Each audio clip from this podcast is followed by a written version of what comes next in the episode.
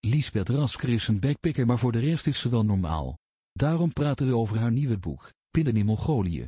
Dat gaat niet alleen over backpacken maar ook over waarom je in je eentje moet reizen.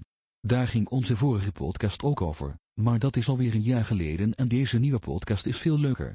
Veel luisterplezier en de groeten aan je moeder. Oh ja, koop ook vooral mijn nieuwe boek op autonomieboek.nl. En onthoud, achter iedere deur een Sani Pro Ear. Ik ben trouwens wat vergeten.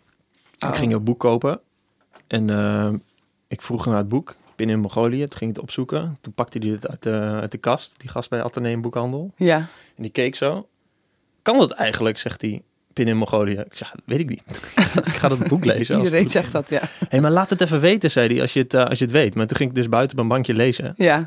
En En toen had je al meteen gevonden of het kon. nou, toen wist ik dus het antwoord, wat ik niet ga vertellen, want mensen moeten gewoon natuurlijk het boek lezen. Ja. Maar ik ben dus vergeten om terug te gaan naar die gozer. Ik zei, ja, is goed, ik eh, laat wel even weten. Maar misschien doe ik het nog wel. Maar wel goed dat ze het weer hebben, want het was uitverkocht. Ik was er twee weken geleden of zo. de- Toen, toen wilde ik stiekem mijn eigen boek kopen. Toen zei ik, hallo, heeft u het in Mongolië? Echt? ja, leek me heel leuk om dat Oh nee, te ik doen. doe het toch niet. Zeg je dan op het eind. Nee, lijkt me toch niet zo leuk. Oh ja. Maar toen zei die- ging ik ging zoeken en toen zei hij, oh, die is, eh, die is al uitverkocht. Toen zei ik, nou, dat komt goed uit, dat is mijn boek. Echt? ja. En toen, hoe het ging het gesprek toen verder?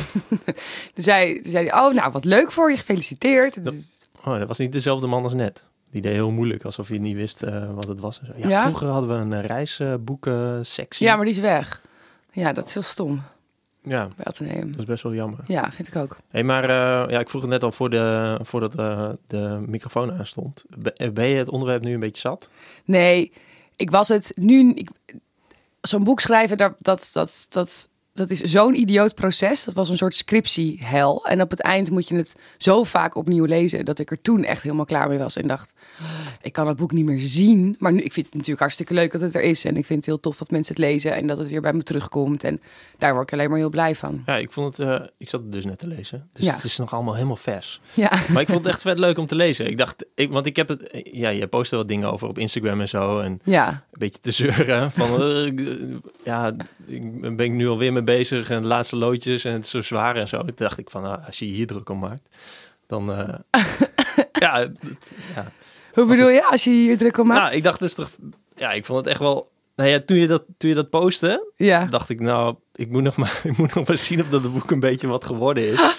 Omdat je er zelf nog best wel negatief over deed. Maar dat ging eigenlijk dus meer over het proces, niet over het, Ja, de inhoud. Ik vond het. ik vond het echt heel leuk om te lezen. Ja, wat fijn. Ik Ja. vond het ook heel leuk om te maken hoor. Alleen ik vind het wel qua, qua zo'n schrijfproces. Ik vond het zo lang en het is zo eenzaam ook wel. Dat, dat vond ik wel taai eraan. Ja, Ik vond het wel. eh, eh, op het eind had ik er geen zin meer in. Nee. oké. Kun je iets vertellen over, eh, ehm, over hoe dat tot stand komt? Want het, heeft, het boek heeft iets van 30 hoofdstukken of zo. Ja. Is dat goed? Eh, het gaat een beetje over jezelf, over je Ja. backpackverhalen. Maar het gaat ook vooral over, over tips ehm, die je mensen wil geven. Ja. Wat ik, wat ik, oh nee, laat ik beginnen met een andere vraag. Ehm, vind je het niet een moeilijke controverse door, door, door tegen mensen, ja, sorry voor het woord. Je zegt tegen mensen, eh, laat het nou allemaal los en kijk maar even en Ja, wees gewoon ja. vrij. Alleen tegelijkertijd is het een boek met de tip dat je Ja. vrij moet zijn. Dat is best wel een Ja. tegenstelling. ja, en het is natuurlijk ook, ik zeg, bereid zo min mogelijk voor en schrijf er volgens 300 pagina's hoe je een reis moet voorbereiden. Ja, Ja, nou, dat is natuurlijk wel een controverse. Maar ik denk dat loslaten makkelijker is als je weet dat het allemaal wel goed komt. En als je toch een soort achterliggende basis hebt met kennis. ja. Ehm, en dat je dan dat je we- weet wat er op je pad gaat komen. En dat je dan denkt, oh, maar dit, dit, dit los ik gewoon op. Want dat, dat heb ik gelezen of dat heb ik geleerd. Of ik heb mezelf aangeleerd dat alles altijd goed komt. Dus dat ik me niet druk hoef te maken over dingen. Mhm. Dus dat je toch nog wel degelijk wat, ja, wat kennis en wat, wat, wat handigheidjes kunt hebben. En het zijn natuurlijk niet alleen het loslaten is de mindset en het is meer de hoe ik denk dat je zo'n reis moet aangaan. En tegelijkertijd ook hoe je het leven moet aangaan. Mhm. Ehm, maar er zitten wel praktische handigheidjes in, als neem, pa- neem pasfoto's mee of lokkers of hoe werken hostels. Ja. Dat zijn dingen die gewoon wel heel lekker zijn om te weten, die ik wel graag had willen weten in plaats van dat ik dan in het begin allemaal domme fouten maakte en dat heel ingewikkeld vond. ja. Ja.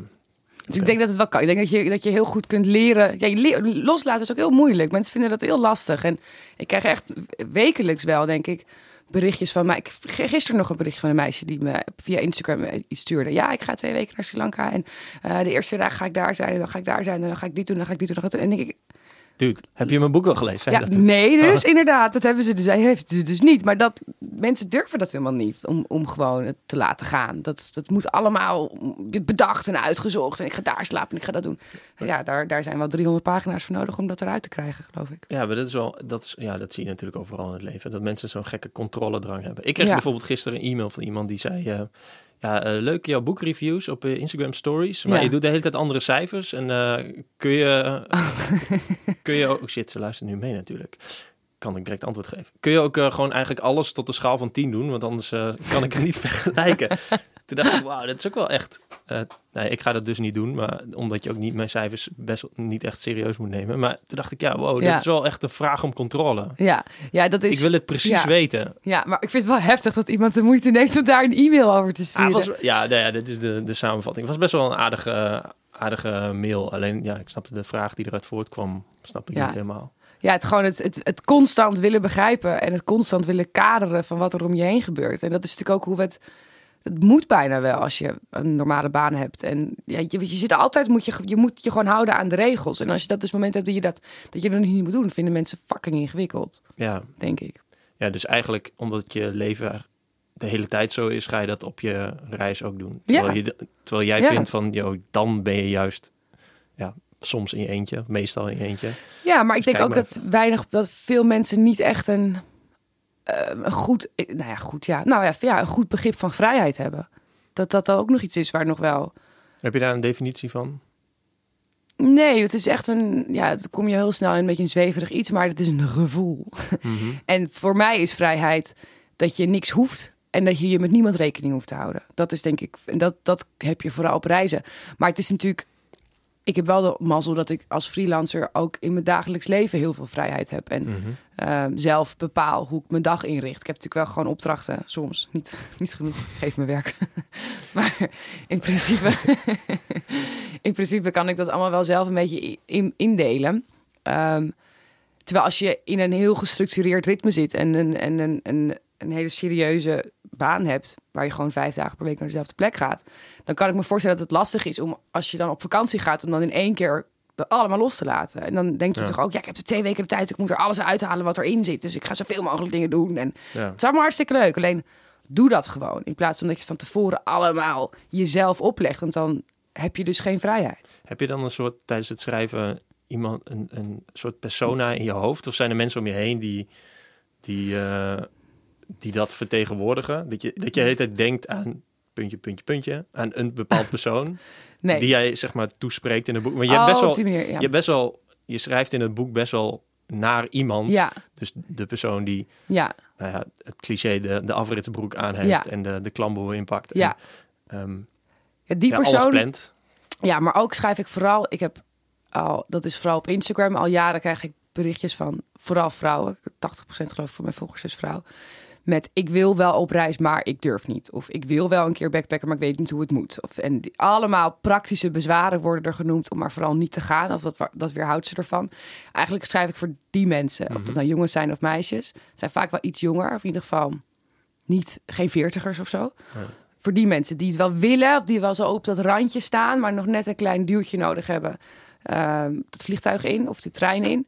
Ehm, dus ik heb wel steeds geprobeerd. En ik heb wel ook voor het boek, om, om het te zorgen dat het niet alleen maar vrouwelijke perspectieven in zit, heb ik wel ook met mannelijke backpackers ben ik op een gegeven moment biertjes gaan drinken en heb ik ze dingen voorgelegd. En daar kwamen ook nog allemaal hele leuke dingen uit. Dat mensen zeiden: nee, dat, dat, dat, dat doe je toch niet zo, dat moet je zo doen. Of, Mhm. Dus dat wel. Maar vooral voor die, voor die twijfelende, eh, beginnende wereldreiziger. Ja, oké. En hoe, hoe ziet zo'n research eruit? Ga je, je- je zegt net, ik ga dan echt biertjes drinken met backpackers. Ja. Had je dit al? Want volgens mij ging je een jaar geleden had je. Ja, ik heb op het 8 project mei ben ik mijn contract, heb ik mijn contract getekend en op 8 mei is het gepubliceerd. Dus Ah. precies een jaar. En ik ben in augustus, maar goed, ik heb natuurlijk het eerste half jaar helemaal geen reet eraan gedaan, want dat is ook, ik ben een ontzettende uitsteller. Ja. Ehm, en toen ben ik in augustus ben ik twee weken in mijn eentje in een huis in Zweden gaan zitten. eh, in een bos. oh ja, van- bij die eland. ja, bij die eland en, en met twee hele lieve poezen die er waren. Ik ga daar in augustus weer heen trouwens. Ehm, om daar te gaan schrijven. En toen is het eigenlijk echt begonnen. Mhm. Ehm, en die ries, nou, dat, ik begon met, het moet een deel voor het reizen zijn, voordat je weggaat, en een deel tijdens. Ja. Eh, en ik dacht ook nog een deel daarna, maar dat bleek, daar bleek helemaal niet genoeg, niet genoeg verhaal voor te zijn. Dus het werd een deel voor solo reizen. Ehm, en ik ben, heb een heel groot vel papier gepakt en heb allemaal op allemaal post-its heb ik onderwerpen gedaan. Dus inpakken, welke backpack, waarom een backpack, hostels, regels. blablabla. En al die post-its heb ik vervolgens op het papier geplakt en zo gecategoriseerd tot een ding. En daar heb ik een, een inhoudsopgave van gemaakt. En vanuit daar ben ik gaan schrijven. En dat vond ik heel lekker werken, omdat ik dan dus, als ik dan in een hoofdstuk bezig was, eh, gezondheid op reis, dan wist ik in mijn overzicht, oh, er komt over een paar hoofdstukken later komt Ja. er nog iets waar ik het ook nog bij kan noemen. Dus, Dus- ik had steeds een overzicht wat dus er die dingen die erin staan, van, daar, kom ik zo nog op, die schreef je toen eigenlijk al op, omdat Ja. je het al wist. Dus niet later er nog eventjes in ge... Ja, er is heel veel natuurlijk nog erin en eruit gehaald. Maar in principe de grote, het grote opzet, dat stond eigenlijk al, al vanaf het allereerste begin. Oké. En dan stuur, je- heb jij dan een foto gemaakt van die post-its en dan stuur je dan naar je uitgever. Hoe, hoe gaat zo'n samenwerking? Ehm, nou, dat is eigenlijk heel raar gegaan. Ik, had, ik, had, ik wilde altijd al een boek schrijven, want dat, dat, dat wilde ik gewoon heel graag, zoals heel veel mensen dat willen. Maar ik wist niet waarover, dus dat was nog wel een kleine kink in de kabel. Mhm. En opeens dacht ik, oh, ik ga, ik ga zo'n handboek schrijven. En dat was er nog niet. En dat vond ik heel raar, want ik vond het een vrij Ja, voor de hand liggend idee. Daar zat ik ook aan te denken van, Nee, dat is er dus gewoon nog niet. is er niet backpacken voor dummies of Ja, zoiets? Dat is er wel, maar die voor dummy boeken, die zijn, die zijn zo, Stom. zo stom en zo gruwelijk saai. En eh, gewoon En lelijk. en ja. lelijk inderdaad. Oh, die lettertypes die erin staan, daar word ik helemaal eng van. Maar vooral zijn ze echt, ze zeggen niet grappig. Het is niet, je wordt er niet blij van. Het is heel praktisch en heel saai en heel suf gewoon. En heel erg braaf. En, Mhm. nou, dus dat, die voor dummy series, die, dat ja... Maar niet echt een, een handboek hoe te reizen. Dat is er niet. Er is wel van Jelle Brand Korsjes een heel leuk boek. Dat heet eh, De Universele Reisgids voor Moeilijke Landen. Maar dat gaat Oh ja. echt over, ja, over hele moeilijke landen. Dus dat is voor echt een, een gevorderde reiziger. Maar niet voor, een, gewoon voor de backpacker die naar Thailand gaat drie weken met zijn vrienden. Daar is geen boek voor. Nu wel, maar dat was er dus niet.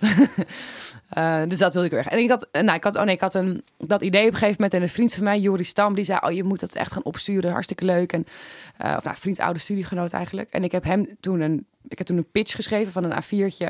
Dat heb ik naar hem gestuurd. En toen heeft hij er nog allemaal aantekeningen bij gedaan. En daarmee ben ik toen naar eh Nijg en van Ditmar, mijn uitgever, gegaan. Heb ik gemaild. Hallo, ik ben Lisbeth en eh, ik doe dit en dit en dit. En ik heb een idee voor een boek. Zullen we een keertje koffie drinken? En toen tot mijn grote verbazing kwam... Ja, wat een goed idee. Laten we koffie drinken. En toen gingen we eigenlijk afspreken. Toen heb ik het verteld wat ik wilde met het boek.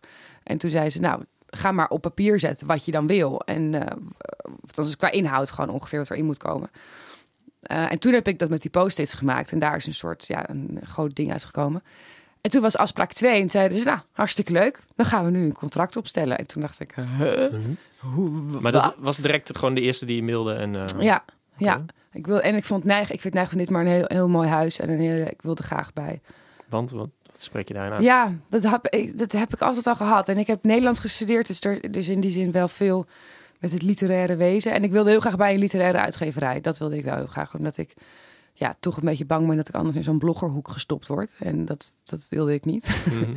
dus dat... eh, Wat is, eh, ja, ik, ja, eventjes eh, voor de leek, en dan bedoel ik mezelf. Wat is een literaire uitgeverij? Een, een uitge ja, ja, ik weet eigenlijk niet wat wel een bestaand woord is, maar een uitgeverij die echt wel bekend staat ook om de literatuur die het uitgeeft. Ah, Oké.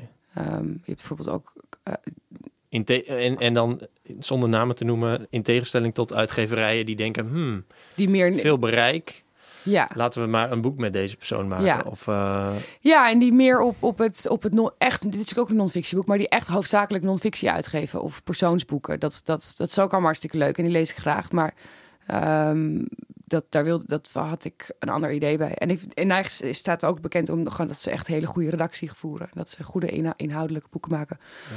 Uh, en ik ben heel lang tijdens mijn studie heel erg fan geweest van Arnold Grunberg. En die geeft ook uit bij...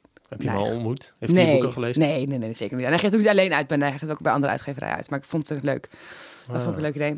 Oké. Ehm, maar ja, nee, toen, dat, zo, zo, ja, dat ging eigenlijk zo. En toen, dat was in februari allemaal. En toen heb ik, heb ik pas op 8 mei getekend. Dus er zaten twee maanden tussen. En ik heb in die twee maanden heb ik niemand verteld dat dit speelde. Want ik was steeds bang dat als ik het tegen iemand zei, dat dan het universum dacht: Oh ja, nou, dat zullen we nog wel eens zien. Ja, Hier, terwijl niemand dat eigenlijk denkt. Nee, maar ik ben super selectief bijgelovig. Ja, dat was ik, ja. ja. Nou, mooi bruggetje. Reiskarma. Reiskarma, ja. Ja, geloof Kun ik. je het in. uitleggen? Ja, reiskarma is dat je. Goed... Maar ik, ik, oh, sorry dat ik je onderbreek. Nee, nee, niet sorry. nee, Ik zat het te lezen. Toen dacht ik... Ja, maar ge- geloof, je, geloof je het ook echt? ja. Ja, ik geloof echt wie goed doet, goed ontmoet. En wat u niet wilt dat u geschiet, doet het ook een ander niet. Ja. Ik ben echt een, echt een sukkel daarin. Echt heel erg. eh, en zeker op reizen. Ja, maar ook wel gewoon in het dagelijks leven hoor. Ik ben ik daar best wel braaf in, geloof ik. Dat, dat, Ja. Ik vind dat belangrijk. Dus ook reiskarma is dus dat je, dat je nou ja, wat u niet wil, geschiet het ook ander niet. En dat je dus ook je karma in stand houdt door ook als je thuis bent eigenlijk in je eigen stad, om ook dan een toerist in nood te helpen. Of om eens een keer aan te bieden als iemand heel duidelijk eenzaam is, om een keer een biertje met iemand te drinken. Of Ja. dat, dat doe ik ook niet zo heel vaak, alhoewel ik wel vaak. Maar ik woon achter de dam. Dus ik, als ik ga beginnen aan elke toerist helpen, dan, ben ik, dan heb ik daar fulltime, full, fulltime baan aan. Ja. Ehm, maar ik vind het wel heel belangrijk dat je, eh, dat, je, dat je reist zonder een lul te zijn. Dat is echt, want je reis is wel ook een, dat is natuurlijk ook lastig nu. Maar het is ook een probleem aan het worden, toerisme, massatoerisme. En Ja. het is super vervuilend en het is heel erg, heel erg slecht ook voor heel veel landen dat daar zoveel toeristen heen gaat. Dus je moet mensen ook een beetje. Ik vind het heel heftig om te zien dat heel, wij, dat heel veel mensen denken: Oh, ik ga hierheen als toerist, dus nu draait het allemaal om mij. Ik vind dat mensen Ja, veel te weinig de- onthouden dat je gewoon te gast bent. De, ga- de gedachte van, nou, ik kom hier geld uitgeven, dus Ja. we moeten maar gewoon... Ja, dat is echt, dat is zo, zo schadelijk. Ja. En dat, dat, dat kun je ook met je reiskarma doen. Dus door gewoon goed om te gaan met mensen die je ontmoet. En daar, daardoor te hopen dat het ook weer terugkomt bij jou. En ik denk, je, je moet er wel in geloven. Dat is, volgens mij maak je daardoor het leven leuker. En jezelf. Het boeit denk ik niet zoveel of je, of je erin gelooft als je het maar doet. Als je het maar doet, inderdaad. Ja. Je moet gewoon, dat, Ik dat vond, het vind wel, ik echt ik vond belangrijk. het wel mooi dat jij een stukje zei over ehm, dat je niet in bomen moet krassen en zo. Ja. Ik verbaas me daar namelijk altijd over. Ja, vind ik ook heel idioot. Dat is, dat is toch niet jouw boom? We doen niet zo raar. Dit is, Er staan allemaal namen in en dan, Ja. ja. dan je komt eigenlijk nooit meer terug. Tenminste, Nee. li- lijkt me niet. nee, het Maar wat zo- vind je dan van die slotjes op bruggen? Ja, daar, daar, ja dat, dat, nou, die ene brug in Parijs die is door eh, bezweken. Hè? De beroemde Hartjes Liefdesbrug. Die, Is dat zo? Ja, daar hebben ze op een gegeven moment hebben ze heel veel van die slotjes weggehaald. Omdat dat ding helemaal half op instorten stond. Dus dat... Maar ja, dat denk ik, nou, daar, is, daar, maakt, daar richt je geen schade mee aan, zeg maar. Dat is een brug, die is gewoon door mensen gebouwd. Ja. Ehm, maar ik vind het heel, heel krankzinnig dat mensen in bomen krassen en in grotten eh, schrijven. ja. En eh, ja, dat, daar zit ik altijd ademloos naar te kijken. Dat, als ik dat zie, dan denk ik, waarom, wat bezielt je? Dat is niet, blijf er vanaf. Ja. Ja, maar je moet. En dat vind ik ook. Ik, ik heb voor altijd heel moeilijk. Ik vind het hangt een beetje een PVV-walm omheen. Om mensen die zeiken dat in Amsterdamse horeca alleen nog maar Engels wordt gesproken. Dus daar wil ik niet te veel in mee. Maar ik vind wel dat je niet te veel moet cateren naar toerisme. Dus dat inderdaad in heel veel Amsterdamse horeca alleen nog maar Engels sprekend personeel werkt. Dan denk ik, ja. Mhm. Ik snap dat het heel handig is voor de toeristen, maar uiteindelijk moet je niet je stad zo gaan aanpassen aan, aan de toerist. Dat is helemaal niet goed. Laat die toerist zich maar aanpassen aan ons. We spreken allemaal prima Engels. Ehm, Ja. En dat, is Ja, dat dat, is geldt ook in andere delen van de wereld. Dat is natuurlijk ook in, eh, in, in, van die party-eilanden op Thailand. Ja, die, in Thailand die zijn helemaal om de wens van toeristen heen gebouwd. En daardoor heeft het geen reet meer met Thailand te maken. Nee. Dat is een, een, een ontwikkeling die, die, die ik niet graag zie. Ja, het is, het is best wel raar. Ik was ook op dat, eh dat eh The Beach eiland. Ja, ja maar dat is dicht nu. Hè? Dat gaat vijf maanden, vier maanden dicht om het eco. eh, Echt? Ja, want die koralen daar, die zijn helemaal, helemaal dood. Het is helemaal Ja, verneukt. ligt aan mij, want ik was er. Ja, het is helemaal jouw Maar- schuld. Ja, maar ik, dat vond ik zo kut, want ja, we hadden ons niet echt voorbereid. We dachten, oh ja, we gaan er naartoe, ja, er zullen wel wat toeristen Ja. zijn. Maar we konden de boot dus niet parkeren, zo druk was het daar. ja, zeg maar. En dat, zo heftig. Het, is, Ja, ja, het is best wel... Ik, ja, ik probeer altijd de vinger op te leggen hoe dat dan, hoe dat dan komt, wanneer er zoiets instort. Ja. Of dat iedereen het dan toch maar... eh, ja, omdat niemand de verantwoordelijkheid neemt. En dat is ook, dat is ook op, in de Filipijnen heb je een eiland, heet een- heb je een eiland dat heet Boracay. En daar was ik anderhalf jaar geleden. Nou, dat was mijn definitie van de hel ongeveer. Waar alleen ja, maar Dat heb ik gelezen. ja. busladingen vol met mensen. En dat wordt dan overal als het mooiste strand van de wereld genoemd. Nou, het is echt gewoon waanzin. Maar Boracay is nu ook dicht. Dat heeft nu ook de Filipijnse overheid Ah, gedaan, ja. Omdat het gewoon helemaal naar de kloten is gegaan. Omdat er alleen maar, ja, alleen maar toerisme. Toerisme is helemaal niet goed voor de planeet in die zin. Eh, de- als je dat op die manier uitbuit. Dat, en dat is ook met zo'n The Beach-eiland. Dat is, dat, is, dat is debiel. Al die, al die Thaise eilanden. Heel veel van die hele populaire routes met, met die dagtoertjes. Die zijn al die koralen zijn dood. En dat, ja, Denk je dat, ja, wat, wat is dan de oplossing eigenlijk? Ja, je, de oplossing is je eigen plan trekken, omdat je dan niet doet wat de rest doet. Dat Eigenlijk is dat in heel veel, heel veel, vaak is dat de oplossing voor heel veel dingen. Ehm, maar ook, ja, dus dat, dat moet wel vanuit een overheid gedaan worden. Daar moet gewoon meer gereguleerd worden. Zoveel boten per ik wil rekenen uit hoeveel koraal, hoe, hoeveel, eh, wat het drupt natuurlijk van allerlei zooi uit zo'n boot het water in, waardoor het koraal ook doodgaat. En zonnebrand is ook heel slecht. De mensen smeren zich natuurlijk helemaal in met zonnebrand en Mhm. gaan dan het water in. En de zonnebrand, dat is ook schadelijk. Daar ja, dan moet je gewoon. Het lijkt me dat daar een soort, soort verdeling in moet komen. Van er mogen zoveel boten per week of per maand of per jaar. Of I don't know. eh, Dat, dat, dat weet ik niet. Maar dat, dat dit, is gewoon, dit is gewoon hartstikke zonde. En dan gaat het dus, nu gaat het dus dicht. Nu moet het, dus gewoon vier, vijf maanden moet het aansterken, dat koraal, dat, dat, dat hele stuk strand. Ja, maar gaat, en gaat het dan weer op dezelfde manier open? Ja, dat weet ik niet. Het lijkt me dat, je, dat ze dit nu wel gaan voorkomen, maar I don't know. En Kijk, een Boracay is gewoon te ver heen. Dat is, dat die, dat is een soort, soort, soort Las Vegas boulevard strip aan het strand. Daar zitten een Wendy's en een, en een Burger King. En is, ja, dat slaat helemaal nergens op. En echt, nou, ik heb nog nooit zulke obscene grote feesten gezien. En het gaat alleen maar over zuipen en feesten en, en watersportdingen met motoren. I don't know. Het is echt, het is krankzinnig. Ik, Maar is het, is het te vergelijken met die full moon parties op Koh Phangan? Daar ben ik niet geweest, maar ik denk Oh. het wel. Ja, maar dat zijn wel. Nou, die koop, die, wat, ik, er- wat ik van foto's zie, is er dat vooral gewoon heel veel mensen op het strand tijdens Ja. die full moon parties. Maar Boracay is gewoon Las Vegas strip, ook met echt bebouwing en zo. En dus dat is blijvend. Mhm. Maar ik ben niet, ik ben niet op Koh Phangan geweest. Dat, dat, daar ga ik dus niet heen. Dat vermijd ik. Dat vind ik vreselijk. Hoe kom je dan op Boracay terecht? Ja, dat was een beetje een inschattingsfout. Ik was in mijn eentje in de Filipijnen aan het reizen en ik was met oud en nieuw daar ook. En ik dacht, nou, met oud en nieuw vind ik het dan nog wel leuk om een beetje de reuring op te zoeken. In plaats van dat je dan ook in je eentje op een verlaten tropisch eiland zit. Dat is dan ook weer niet helemaal hoe ik het voor me zag. En ik had een paar reisvrienden ontmoet en die gingen allemaal, en iedereen ging naar Boracay. Toen dacht ik, nou, fuck it, ik ga er gewoon drie nachten heen en ik ga een beetje mee in dat feest. En het is prima en dan ga ik weer weg. Maar ik had niet verwacht dat het zo erg zou zijn. Ik had wel verwacht dat het veel commerciëler en drukker zou zijn. Maar dit had ik niet kunnen, niet kunnen voorspellen. Maar het is dus zo erg dat je er niet eens overheen kan zetten en denkt van, nou, ik, ik doe, ik doe maar mee en ik vergeet nee, het hierna. Het, het, was echt... Er, kwam zoveel weerzin en weerstand in me op... dat ik dat echt Staat het in de laatste pagina's van je boek trouwens? Of, eh, die, die, Eh, Ik er nog Boracay 55. staat wel ergens, geloof ik. Maar ik heb het ook... Ik weet echt niet of ik dat heb genoemd. Ik heb ook niet heel veel eigen reiservaringen erin staan, hoor. Omdat ik niet wilde dat het zo'n... Kijk, maar even reis boek werd. Dus dat... dat er staat wel natuurlijk wat, wat in, maar niet, niet heel uitgebreid. Maar nee, dat, eh, ik heb er wel op mijn website over geschreven. Maar ja, ik, mensen, ja je, kunt, je moet je daar aan overgeven, inderdaad. Je moet gewoon zeggen, oké, ik ga nu gewoon heel veel goedkoop bier in me gooien en hierin mee. Maar dat, ja, dat, daar ben ik dan toch een beetje te snop voor. Dan denk ik, ja, flikker op. Dat, ik vind het gewoon. En overdag, het was vooral, het was, het was, het was vooral over. Nee, het was eigenlijk altijd gewoon heel erg. Dat, dat strand was verschrikkelijk. Dat, er lagen gewoon 300 mensen op. En s'avonds. Er was daar een restaurant dat heette The Midget. En daar werkte alleen maar dwergen in de bediening. Gewoon, dit is het niveau. Het is echt heel heftig. ja. Ja, dus het is eigenlijk een soort zandwoord in, als op een zonnige zondag. Ja, met heel veel ecstasy en cocaïne op. Gewoon macht duizend Zandvoort of zo, ja. Ja, daar heb ik nog wel wat over geschreven trouwens, over Ja, drugs. Vond ik drugs. interessant. Ja, don't do drugs. Gewoon helemaal niet. Ja, nou ja, kijk, ik kan natuurlijk niet zeggen dat ik, dat ik nooit drugs heb gebruikt in het buitenland. Ik heb, ik heb ook wel eens wat gebruikt in het buitenland.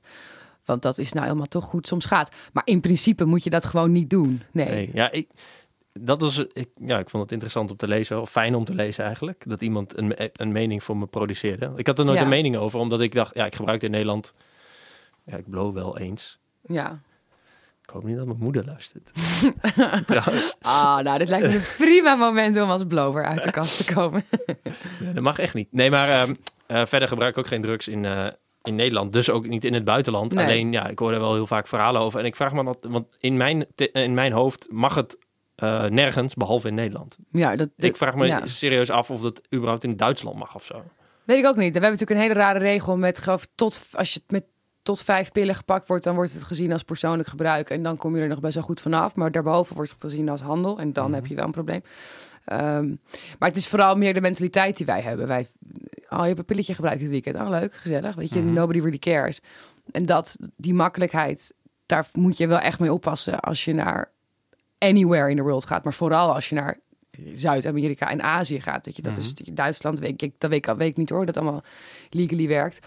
Maar ik, verba ik heb me gek verbaasd over wat er allemaal naar binnen wordt gesnoven en gespoten en geslikt en gedaan. En ik denk, ja, ik vind dat toch ook in, ook in de Filipijnen, waar gewoon een tamelijk heftige war on drugs gaande is. Maar daar werd, ik was in, in een beetje selectief, heb ik het idee. ja, ik was daar in een hostel op Siargao, een heel eh, het meest, het meest oostelijk gelegen eiland waar bijna geen toerisme is, alleen heel veel surfers. Maar dat is heel vet, surfeiland. Ja, het is hartstikke vet. Maar ik had daar, ik had super pech met het weer. Het heeft gewoon bijna tien dagen lang onafgebroken geregend en gestormd en de elektra viel uit en het was echt totale tamelijk ellendig. Ehm, en mijn hostel, ik zat in een heel raar hostel met echt hele spacende mensen die eh, elke avond een end of the world party organiseerden. En dat betekende gewoon dat ze op een beamer allemaal van die psychedelic plaatjes, ik zit hier over met mijn handen te praten, heeft helemaal geen zin. Eh, psychedelic plaatjes gingen afspelen en dan heel veel LSD gebruikten. Oké. En dat wist ook iedereen van dat eiland. Dus iedereen kwam ook elke avond naar dat, dat hostel om, om daar LSD te gaan. En ik dacht elke keer, ik, ik, zijn allemaal gek gewoon. Dat, zo'n, dat zo'n, eiland is dan zo afgelegen en daar, daar geldt echt een beetje een soort van eigen regels. Maar ook in Manila werd ook gewoon, was ook gewoon kon je het ook gewoon halen. En ik was in Rio de Janeiro en daar lopen dan van die mannetjes over het strand met, met van die pareo's en, en eh, vlaggetjes en. En dan zeggen ze pareo, pareo, marijuana, marijuana, pareo, pareo, marijuana. En ik was met een paar jongens en die gingen toen marijuana kopen en toen zeiden ze... Do you have something stronger? En toen zei die gast, yes, of course. En toen rap, toen haalde hij een hele rat zo, een, een stuk van zijn jas weg. En zat letterlijk gewoon alleen maar zakjes kook en alles. Ja, dat is toen ook, ja, ik vind, maar in principe, je, je moet het gewoon niet doen. Je, je bent gewoon de lul als je gepakt wordt. Je moet Ja. er gewoon niet aan beginnen. Dus ja, en er zijn ook andere manieren om het leuk te hebben. En ik, vind, ik gebruik wel, nou, ik heb het al heel lang niet meer gebruikt, maar ik heb wel, ik heb in het, in het verleden wel wat vaker drugs gebruikt. Gewoon, gewoon voor de lol. Maar moet niet doen. Het, Nee. is, het is vies, het is gevaarlijk, het, is, het, is, het, mag gewoon niet. Oké, los, los van eh, dat eh, toerisme de planeet kapot maakt Ja. en dat, eh, dat, er allemaal drugsgebruikers zijn. Wat is er wel leuk? Je vertelde een verhaal over dat je, nou misschien overdrijf ik, twee weken geen douche had gezien. Ja, En Ja. dat je vond dat je er niet uitzag, maar dat je wel een lekker koud biertje had en op een stoepje zat en dat je toen Ja. het gelukkigst was. Ja, dat was het na mijn eerste reis eh, in Mongolië. En daar heb ik tien dagen op een paardentrek gemaakt.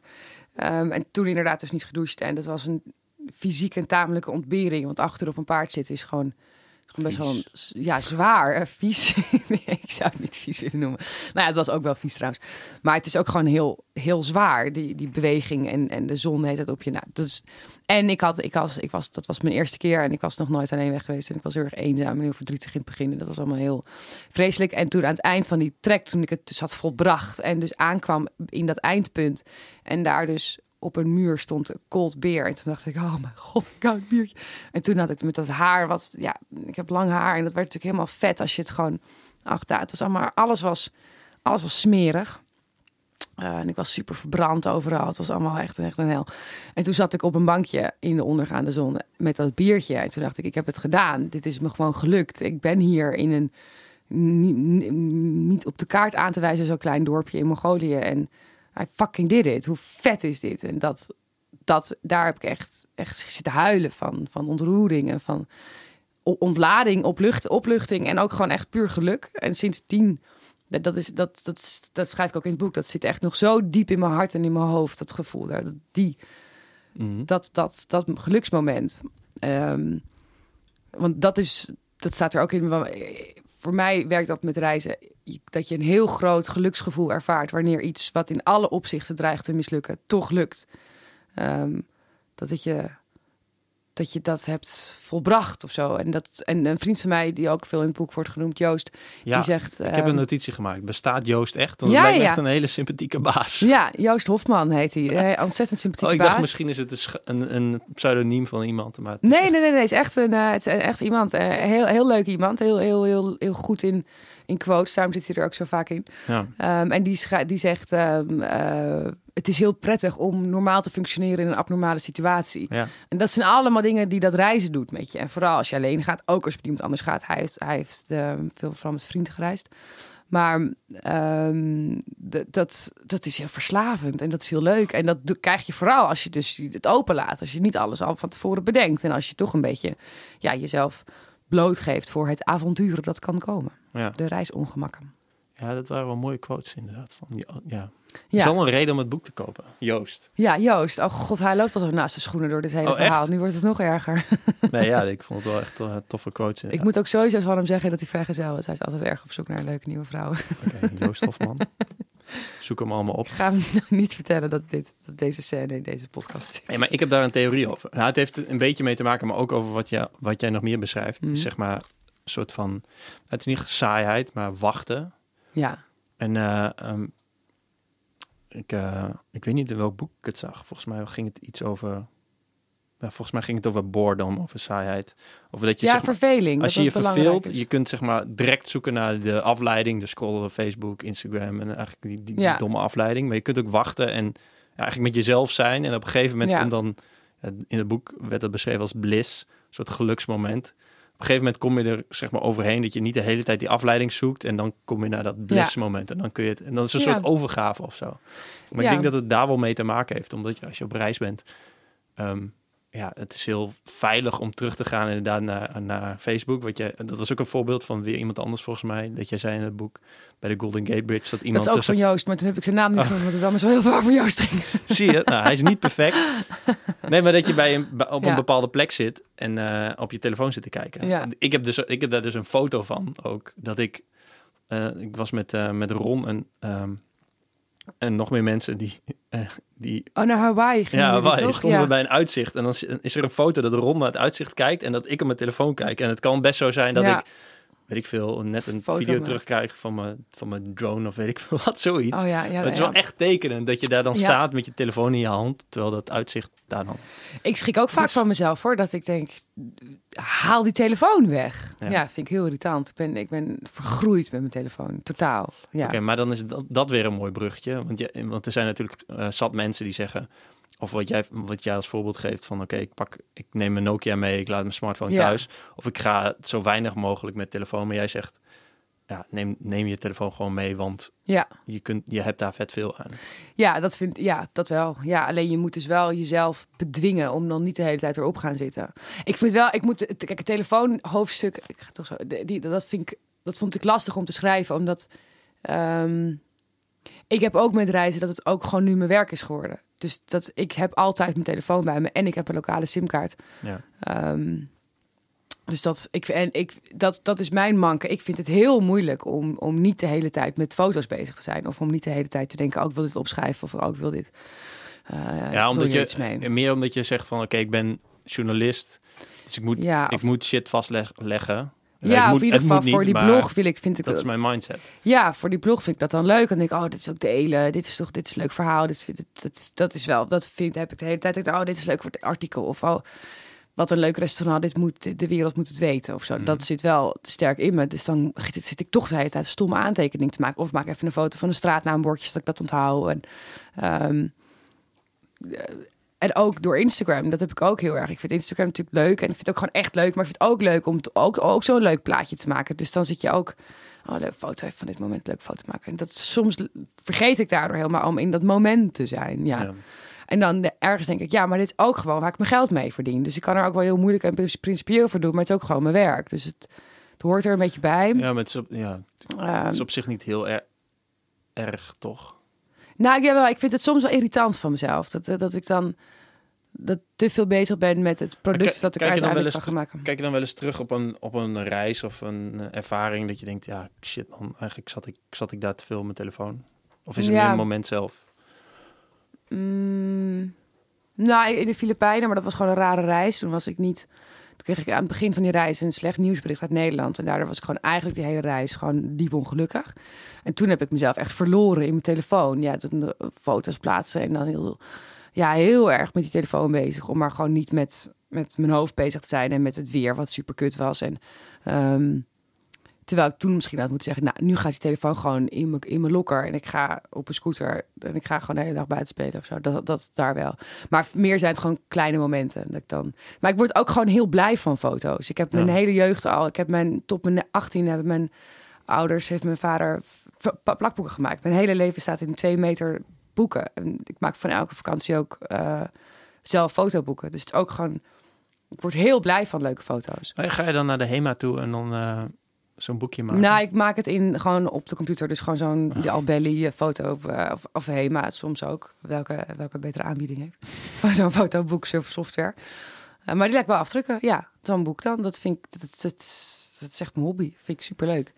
Dus die foto's maken, dat is ook gewoon iets wat ik heel leuk vind. Maar daarom ga ik ook wel graag, neem ik ook echt een camera vaak mee. Zodat ik dan wel die foto's kan maken, maar niet altijd met het toestel in handen loop. Ja, precies. Ja, ik, ging, eh, ik ging jou googlen. Nou ja, wat vond je toen? Ik, oh, ik kwam eh, een of andere interview tegen uit 2015. Daar stond in het meest, bipo Oh. mi- meest bipolaire... Ja, die kop, heftig hè? Ja, nee, ja, bipolair is natuurlijk best wel... Als je bipolair bent, heb je toch best wel een serieuze aandoening. Ja, dan Maar ik- ben je ik- manisch depressief, ja. Maar, maar ik snapte wel wat er bedoeld werd. Ja, dat je, dat je, want in het boek staat ook heel vaak... Jij kijkt heel vaak, heel, ehm, heel vaak op twee manieren tegen iets. Tegen iets Ja. aan. Dus dat, ja een voorbeeld? Nou, bijvoorbeeld, ehm, je hebt een stukje over of je, of je met je backpack moet gaan of je koffer. En je zegt van, nou, ik ben wel team backpack, maar je kunt ook best wel met je koffer gaan of alleen met je handbagage. Oh, op die manier, ja. Zoiets. Of Ja. eh, wees eh, sociaal, maar, Maar wees ook asociaal. Ja, Nou, Ja. Dat soort dingen. ja. Of ga, ga naar een plek waar weinig mensen zijn als je dat wil. Of ga juist naar een plek als bijvoorbeeld Thailand, dat best wel toegankelijk Ja. is. Dus eigenlijk Ja. is het, kijk maar even. Kijk maar principe. even. Dat is het hele boek. Ja. Je laat het samen bekijken. maar Nee, ik had het samengevat Ja. in, in jouw, jouw boek is eh, ehm, plan niet te veel, ehm, ontmoet mensen en kijk maar even. Dat eigenlijk die, Ja. die drie dingen. Ja, dat klopt. En het komt altijd goed. Oh ja, het komt altijd goed. Staat inderdaad is ook best wel vaak. Dat is ook een groot, groot ding. Ehm, ja, nou, maar dat is ook gewoon een... een, een ik wilde daar niet te, te dwingend in zijn, zeg maar. Ik vind, ik vind het niet aan mij om te zeggen hoe je dingen moet doen. Dat, dat is niet de rol die ik wilde nemen. Wat ook heel paradoxaal is, aangezien ik net een nieuw boek heb geschreven over hoe je je reis zou moeten inrichten. Ja. Maar vooral wil ik mensen handvatten geven om zelf die keuzes te maken, ehm, te laten maken. Ja. Ehm, dus ja, ik vind, ik zeg, ik ben natuurlijk expliciet team backpack voor dat soort reizen. Terwijl als ik ga citytrippen, dan neem ik natuurlijk geen backpack mee. Maar ehm, ja, je hoeft van mij geen backpack. Het is niet dat ik niet kan slapen als jij niet met je backpack op reis gaat. Neem lekker je koffer mee. Alleen wat ik er ook in zet, mensen, mensen nemen dan zo natuurlijk debiel veel mee. Ja. Ehm, maar die quote van jou zit er volgens mij in. Zoals een vriend van mij zei, je gaat toch niet verhuizen, idioot. Is dat, ja, ik, ik las hem. Ik dacht, hey, goede quote. Dat heb jij gezegd. dat heb jij gezegd in een stukje in Ja. een, eh, over, over een ander Oh ja, over incheckbagage. inderdaad. Ja. ja, klopt. Ehm, maar ja, nee, de mensen, dat, de mensen moeten zelf nadenken. Dat is het Ja. natuurlijk ook. Ja, is, dus als je per se met de koffer wil, ja, dan moet je het doen. Maar ik vertel je wel wat de nadelen ervan zijn. Ja. Dus maar dan mag je zelf die keuze maken. is het boek eh, geschreven, ja, het zal ook wel twee antwoorden zijn, uit, uit een soort frustratie dat jij dingen om je heen ziet? Nee. Dat, ja, je beschrijft het wel een beetje, van soms zie ik mensen in hostels die doen Ja. puntje, puntje, puntje. Nee, het boek Of- is er echt geschreven als hulp. Als hulpmiddel. En ook wel, daar zit ook wel meer een soort. Vind je het zonde dat sommige mensen dan niet die stap nemen om een Ja. reis te maken? Ja, en er zit ook wel een soort missionarisachtig dingen dat ik denk, oh, ik wil echt, ik gun mensen echt dat die ontwikkeling of die ervaring. En, en dat ik er ook in zet, ik vind mezelf, ik ben mezelf en het leven aanzienlijk leuker gaan vinden sinds ik dit heb, sinds ik dat reizen doe. Het is alsof ik het hele jaar altijd maar weg ben en dan in hele onder, onherbergzame gebieden zitten. Maar het is niet alleen dat reizen. Het is ook een mindset die je meeneemt naar het leven. Waar, en in mijn optiek en in mijn filosofie is zelfstandigheid het allerbelangrijkste wat er is. Mhm. Ehm, en dat is iets wat ik in ieder geval bij uitstek door dat reizen heb geleerd. Door dat alleen reizen heb geleerd. Ehm, en, dat, en ook wel, dat ik, ik woon alleen en ik richt mijn leven ook wel zo in. Maar dat reizen heeft daar een grote hulp bij gehad. Ja, en ik denk dat het, als het niet die grote ontwikkeling teweeg brengt, dan heb je gewoon een hele vette vakantie gehad. So that's fine. Ja, precies. Maar ehm, ik denk dat het vooral voor vrouwen, maar eigenlijk voor iedereen gewoon heel goed is om dat wel te doen. En ook om gewoon de wereld te zien. Dat je, je moet, dit is prima allemaal hier. En Amsterdam is de leukste stad op aarde. En ik zou nooit ergens anders kunnen en willen wonen. Maar het is wel belangrijk dat je weet dat je niet de enige bent. Dat er mensen zijn die het anders doen. Ja. Eh, dat is volgens mij gewoon goed voor je, voor je hoofd.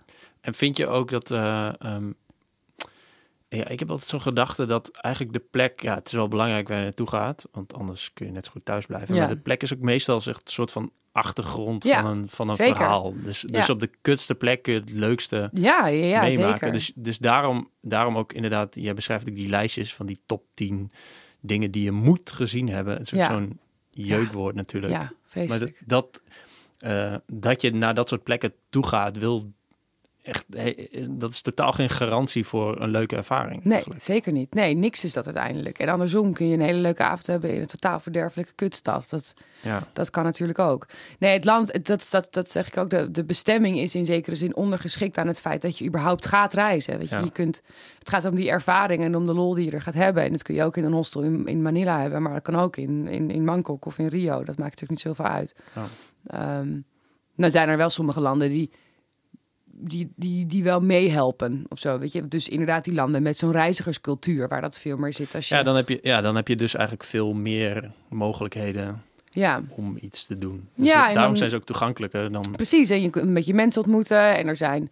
ehm, het, is, het, is, het is te doen om van A naar B te gaan. Eh, ja, dat, dat maakt het wel leuk. Dat, zeker als je alleen gaat, dan is dat wel in mijn optiek bijna een voorwaarde.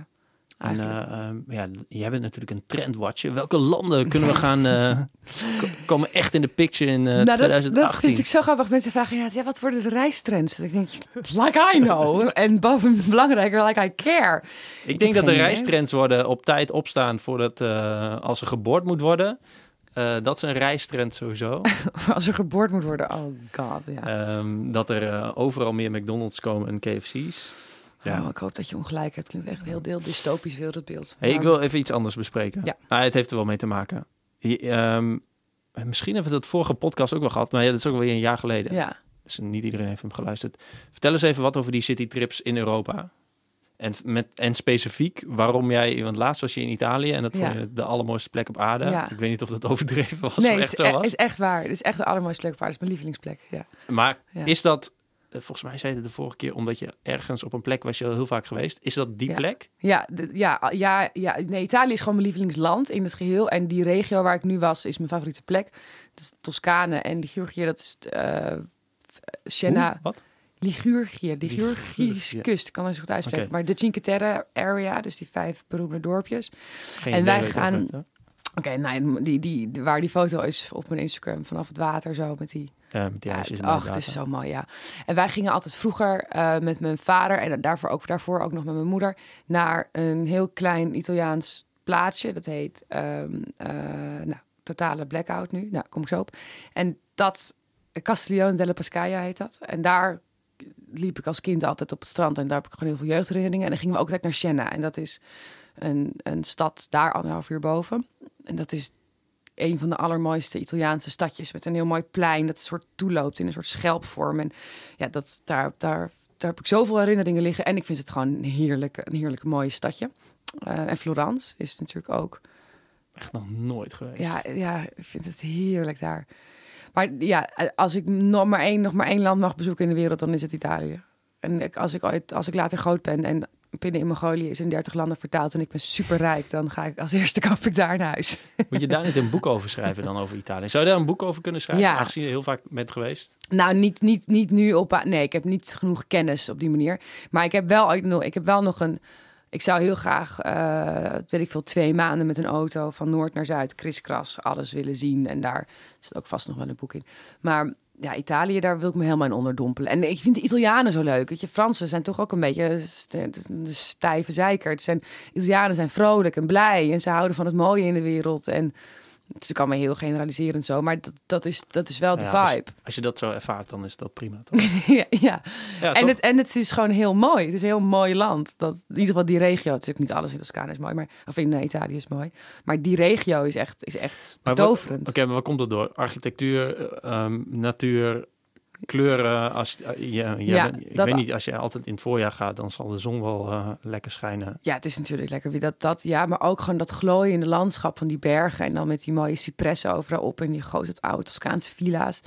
Het is gewoon zo mooi. Ik vind het gewoon heel mooi. En ik hou, en ik vind die, dat eten is natuurlijk heerlijk. En die cultuur, dat heb ik vorige keer wel inderdaad gezegd. Die soort, dat snijveld van dat je overal maffiafamilies in denkt te zien. Maar dat, er, dat, dat, maar dat ze ook dat de meest stoere grote mannen kunnen eindeloos lang emmeren over de perfecte mozzarella of de perfecte hammetjes en zo. En die, die liefde voor detail en de liefde voor mooie dingen, dat, dat, dat vind ik heerlijk om daar, om naar te kijken. Ze zien er allemaal mooi uit en helemaal goed verzorgd. En, en ja, En, en, die, en die nadruk op familie, dat is het ook echt. Die familiebanden zijn heilig, echt, echt heilig. En kinderen zijn echt heilig. Bambino, dat vinden ze het aller, allermooiste wat er is. Als je met een kind daar aankomt, dan, dan is iedereen helemaal fan van je. Uh, ja, die, het is een liefdevol volk. Oké, nou misschien. ja, ik ben er niet overtuigd. Ja. Nou ja. Nee, maar, maar, daarom vroeg ik het dus ook. Van, komt het dan omdat je Ehm, zeg maar, daar vroeger heel vaak bent geweest en dat zo die liefde is ontstaan. Ja, dat denk ik wel hoor. Dat is natuurlijk ook heel veel memories zijn. En ik ben echt een zakker voor tradities en voor, voor, voor, voor herinneringen en dat soort dingen. Maar soms zijn dingen ook gewoon zo. Ik vind het gewoon. Ik, ik kom daar. Ik, was ik op Pisa, Pisa Airport, daar ben ik echt vaker geweest dan, dan goed voor me is. heb ik zoveel uren doorgebracht. Maar dat. Dat denk ik, oh, thuis, lekker. Dat vind ik heerlijk. Je maakt me echt, er is niks fijners. Ik kan niks leukers bedenken dan daarheen vliegen, een auto pakken en naar een huis. Dat, dat is eigenlijk het grootste genot in het leven. Nice, ja. Ga, maar ga je dan ook naar de toren van Pisa? Nee, nu ben ik wel natuurlijk wel geweest. Maar Heb je ook die foto? Uh, ik ben daar met een, met een vroegere geliefde geweest die heel graag die foto wilde maken. En er is een foto van mij dat ik het heel zagrijnig inderdaad die domme foto maak. En zit die in het ehm, plakboek? Die zit in een boek, ja, absoluut. Maar die, die Pisa, Pisa is niet een hele leuke stad. Je hebt, je hebt inderdaad de toren en dat is een soort voetbalveld waar die toren en een hele mooie basiliek daar tegenover. Maar dat is het. En verder is Pisa heel saai. Dus daar hoeven mensen niet heen. Even die toren zien. Het is wel leuk om een keer gezien te hebben. Maar verder hoef je niet naar Pisa. Uh, en waar, waar moeten we wel naartoe in Europa? Uh, ja, ik denk dat het mooiste is dus de, is Cinque Terre. Dat zijn vijf kustdorpjes. Uh, Rio Maggiore, uh, Manarola, Cornelia, Vernazza en Monterosso. En die zitten allemaal zitten drie minuutjes van elkaar met een treintje zijn die verbonden. En dat zijn. Is dat, een toeristisch treintje dan? Of is het gewoon? Nee, het is echt wel de trein, maar dat, dat, dat wordt bijna alleen maar door toeristen gebruikt. Maar die, die, die dorpjes die zijn allemaal autovrij. En het is ook echt een, het is echt een nationaal park, het hele, het hele natuurgebied. Oh, um, en als je die dorpjes inloopt, dan denk je: oh mijn god, ik ben in Disneyland. Wat een, wat een krankzinnige drukte. Maar omdat ze allemaal tegen rotsen op zijn zit, ik moet echt op met mijn handen te praten. uh, omdat ze allemaal tegen Volgende rotsen. keer is een livestream. ja, omdat ze allemaal tegen de rotsen op zijn gebouwd, moet je best wel klimmen de hele tijd. Ja. Um, en het moment dat je dat moment dat je van dat hoofdstraatje afgaat, dan is is het stil en leeg. En alle toeristen weg. Al die domme toeristen gaan alleen maar naar, naar de eikpunten. En niemand kijkt verder dan zijn neus lang is. Dus dan heb je het gewoon helemaal voor jezelf. En dat is daar, dat is magisch. Dat is en, maar wat doe je daar dan? Je bent aan het rondlopen, je gaat ja, wandelen, koffie klimmen, drinken, wijn drinken, wijn cola drinken, hiken. Heb je daar dan een huis? Ga je dan? Ik huur daar dan een Airbnb. Huur dan heb dan niet. Is dat duur eigenlijk daar? Nou, valt wel mee. Ik had nu een prima kamertje voor 90 euro per nacht. 90? Ja. Oh, oké. We zijn geen hotels, want het zijn allemaal het, het, het zijn wel hotels, maar dan in geen grote gebouwen en zo je moet wel. Um, Italië is, is in augustus is het eigenlijk ontoegankelijk. Dan is het helemaal dicht. Dan hebben alle Italianen vrij. Dus dan is het teringdruk en super duur. Mhm. Dus ga lekker in mei. Misschien nog iets eerder zelfs. Dan vanaf mei begint officieel het hoogseizoen. Dus dan gaan alle prijzen weer een categorie hoger. Maar dat Cinque Terre is het hele jaar door mooi. Italië is sowieso het hele jaar door mooi. Okay. heb je trouwens, heb jij zo'n uh, reiskalender? Ik zat er laatst over na te denken. Dat ik, nou, ik denk, mag wel concluderen dat het voorjaar, zo'n beetje zoals nu, we nemen dit op op, wat is het, eind mei, ja. is wel, ik denk, mijn favoriet. Eigenlijk ja. zat ik te denken, nou, ik, moet, ik moet het zo inplannen dat ik ieder Nederlands jaargetijde wel naar een plek ga waar het een beetje lijkt op voorjaar. Als die, als die zon lekker hoog staat en vroeg opkomt en zo, en het is niet super heet, ja. dan. Oh ja, maar heb je slim. deel je dat zo in, of is het bij jou gewoon? Nee, hoe, nou, hoe, hoe plan jij jouw, jou, ik, ik neem aan, je gaat regelmatig weg. Hoe plan je dat zo'n beetje in? Nou, ik ben nu ook best wel lang niet weg geweest, hoor, moet ik zeggen. Ik had een familiekwestie waardoor ik veel hier was. En ik, ik had het boek wat ik, wat ik ook toch uiteindelijk wel echt hier heb geschreven. Um, maar ik ga in principe altijd in december, januari weg. Omdat kerst haat en oud en nieuw nog meer. Dus dat, en ik kan niet zo goed tegen kou. Dus dan ga ik graag ergens heen waar de zon schijnt. Um, en, ver, en, en, en in de zomer ben ik juist eigenlijk wel graag in Europa. Ik vind Europa heel leuk. En zit ik dus vaak in Italië. Um, Zweden heb ik, vind, ben ik echt dol op geworden door vorig jaar. En dan ga ik dit jaar dus weer heen in augustus. Um, ga dan, ga, want vorige keer was je daar om te schrijven. Ja. Ik, ik, ik stel me zo voor uh, dat het een. Uh, ik ben regelmatig in Zweden geweest, in Noorwegen. Dat het een een hutje is. Ja, nou, het is Ja. echt een mooi huis wel, moet ik zeggen. Ze hebben dat echt super mooi opgeknapt. Ja, ik bedoel, ik bedoel niet meer een hutje als in, als in dat het met een kraak en Maar er is inderdaad niks te doen. Ja, inderdaad, dat er geen hol te doen is. Nee. En dat, dat er eh, ja, weinig buren zijn. Geen muren, nee. Geen, en dat er inderdaad niks. een eland eh, Ja. verderop loopt. Ja, en twee katten. Ehm, Maar wat ga je de, Ja. vorige keer ging je schrijven? Wat ga ja, je nu, nou, ik, heb wel, ik heb ook wel een idee voor een tweede boek. En daar ga ik, ga ik wil ik binnenkort wel iets mee gaan doen. Ehm, en ik ga anders gewoon daar werken. En kijk, zij hebben, die mensen die er wonen, die, die, die hebben dus inderdaad die twee katten. Maar er, zijn, er is daar verder niks. En zij, het zijn Nederlandse mensen. En zij willen op vakantie, maar zoeken dan een oppas voor dat huis en voor die katten. Mhm. Ehm, en zo ben ik daar vorig jaar terechtgekomen. En nu willen zij weer op vakantie. En Oh. toen vroegen ze me, wil je weer komen? Toen dacht ik, nou, dat lijkt me heerlijk. De vorige podcast ging ook over iemand die eh, past op huizen. Die dan met huisdieren. Dat is echt wel een dingetje blijkbaar. Ja. Nu jij het er ook over hebt. Ik zei, ja, ja, ja, want huisdieren zijn gewoon hartstikke onhandig. Dan moet, Ja. moet je de hele tijd, je, moet, je kan ze niet meenemen. Je moet wel iemand hebben die ze in leven houdt. Ja. Dus dat, eh, en dit is natuurlijk wel een hele leuke manier. Dat, en ze, wij doen dan geen huizenruil, want zij hebben hun, ze gaan gewoon op vakantie en ze hebben hun, hun ouders wonen in Haarlem, dus dan gaan ze daarheen. Maar ik had een, een vriendinnetje van mijn zusje, die, die appte me toevallig vorige week dat zij woont in Tanzania, een Moshi. En ze zei, hey Lies, wil je huizen ruilen? Wij willen naar Amsterdam. Wil jij bij ons in ons huis? En dat was in een periode dat ik niet kan. Maar dat is natuurlijk wel heel leuk om Ja. zo op zo'n manier eh, op vakantie te gaan. House, house swap. Is, er, is daar een website voor? Ik weet Ja, wel dat heel er- veel. Je hebt house sitter, trusted house Ja, sitters. house- dat, ja, daar dat zit is, ik ook dat op. is wat eh, de gast van de vorige keer Iris eh, zei. Dat je daar gewoon, Ja, je kunt aanmelden. Maar Ja. dat hele ruilen. ja. ja, je hebt ook, je hebt ook house swap, house. Heb je van allerlei soorten eh, dingen. Maar je kunt- ja, ik vind, ik vind het wel leuk. Het is, het is natuurlijk gewoon Airbnb eigenlijk, maar dan gratis. Ja. En dan heb je ook iemand voor je eigen huis. En voor mensen met huisdieren is het, is, het is een enorme, enorme uitkomst. Ja, het is heel erg- ja, ik bedoel, als ik weg ben, eh, of als wij weg zijn, dan eh huis staat gewoon leeg. Maar wie geeft jullie krankzinnig hoeveelheid planten dan water? Ja, dit is dan altijd wel iemand voor. Maar dat is sinds kort, hè. Dat is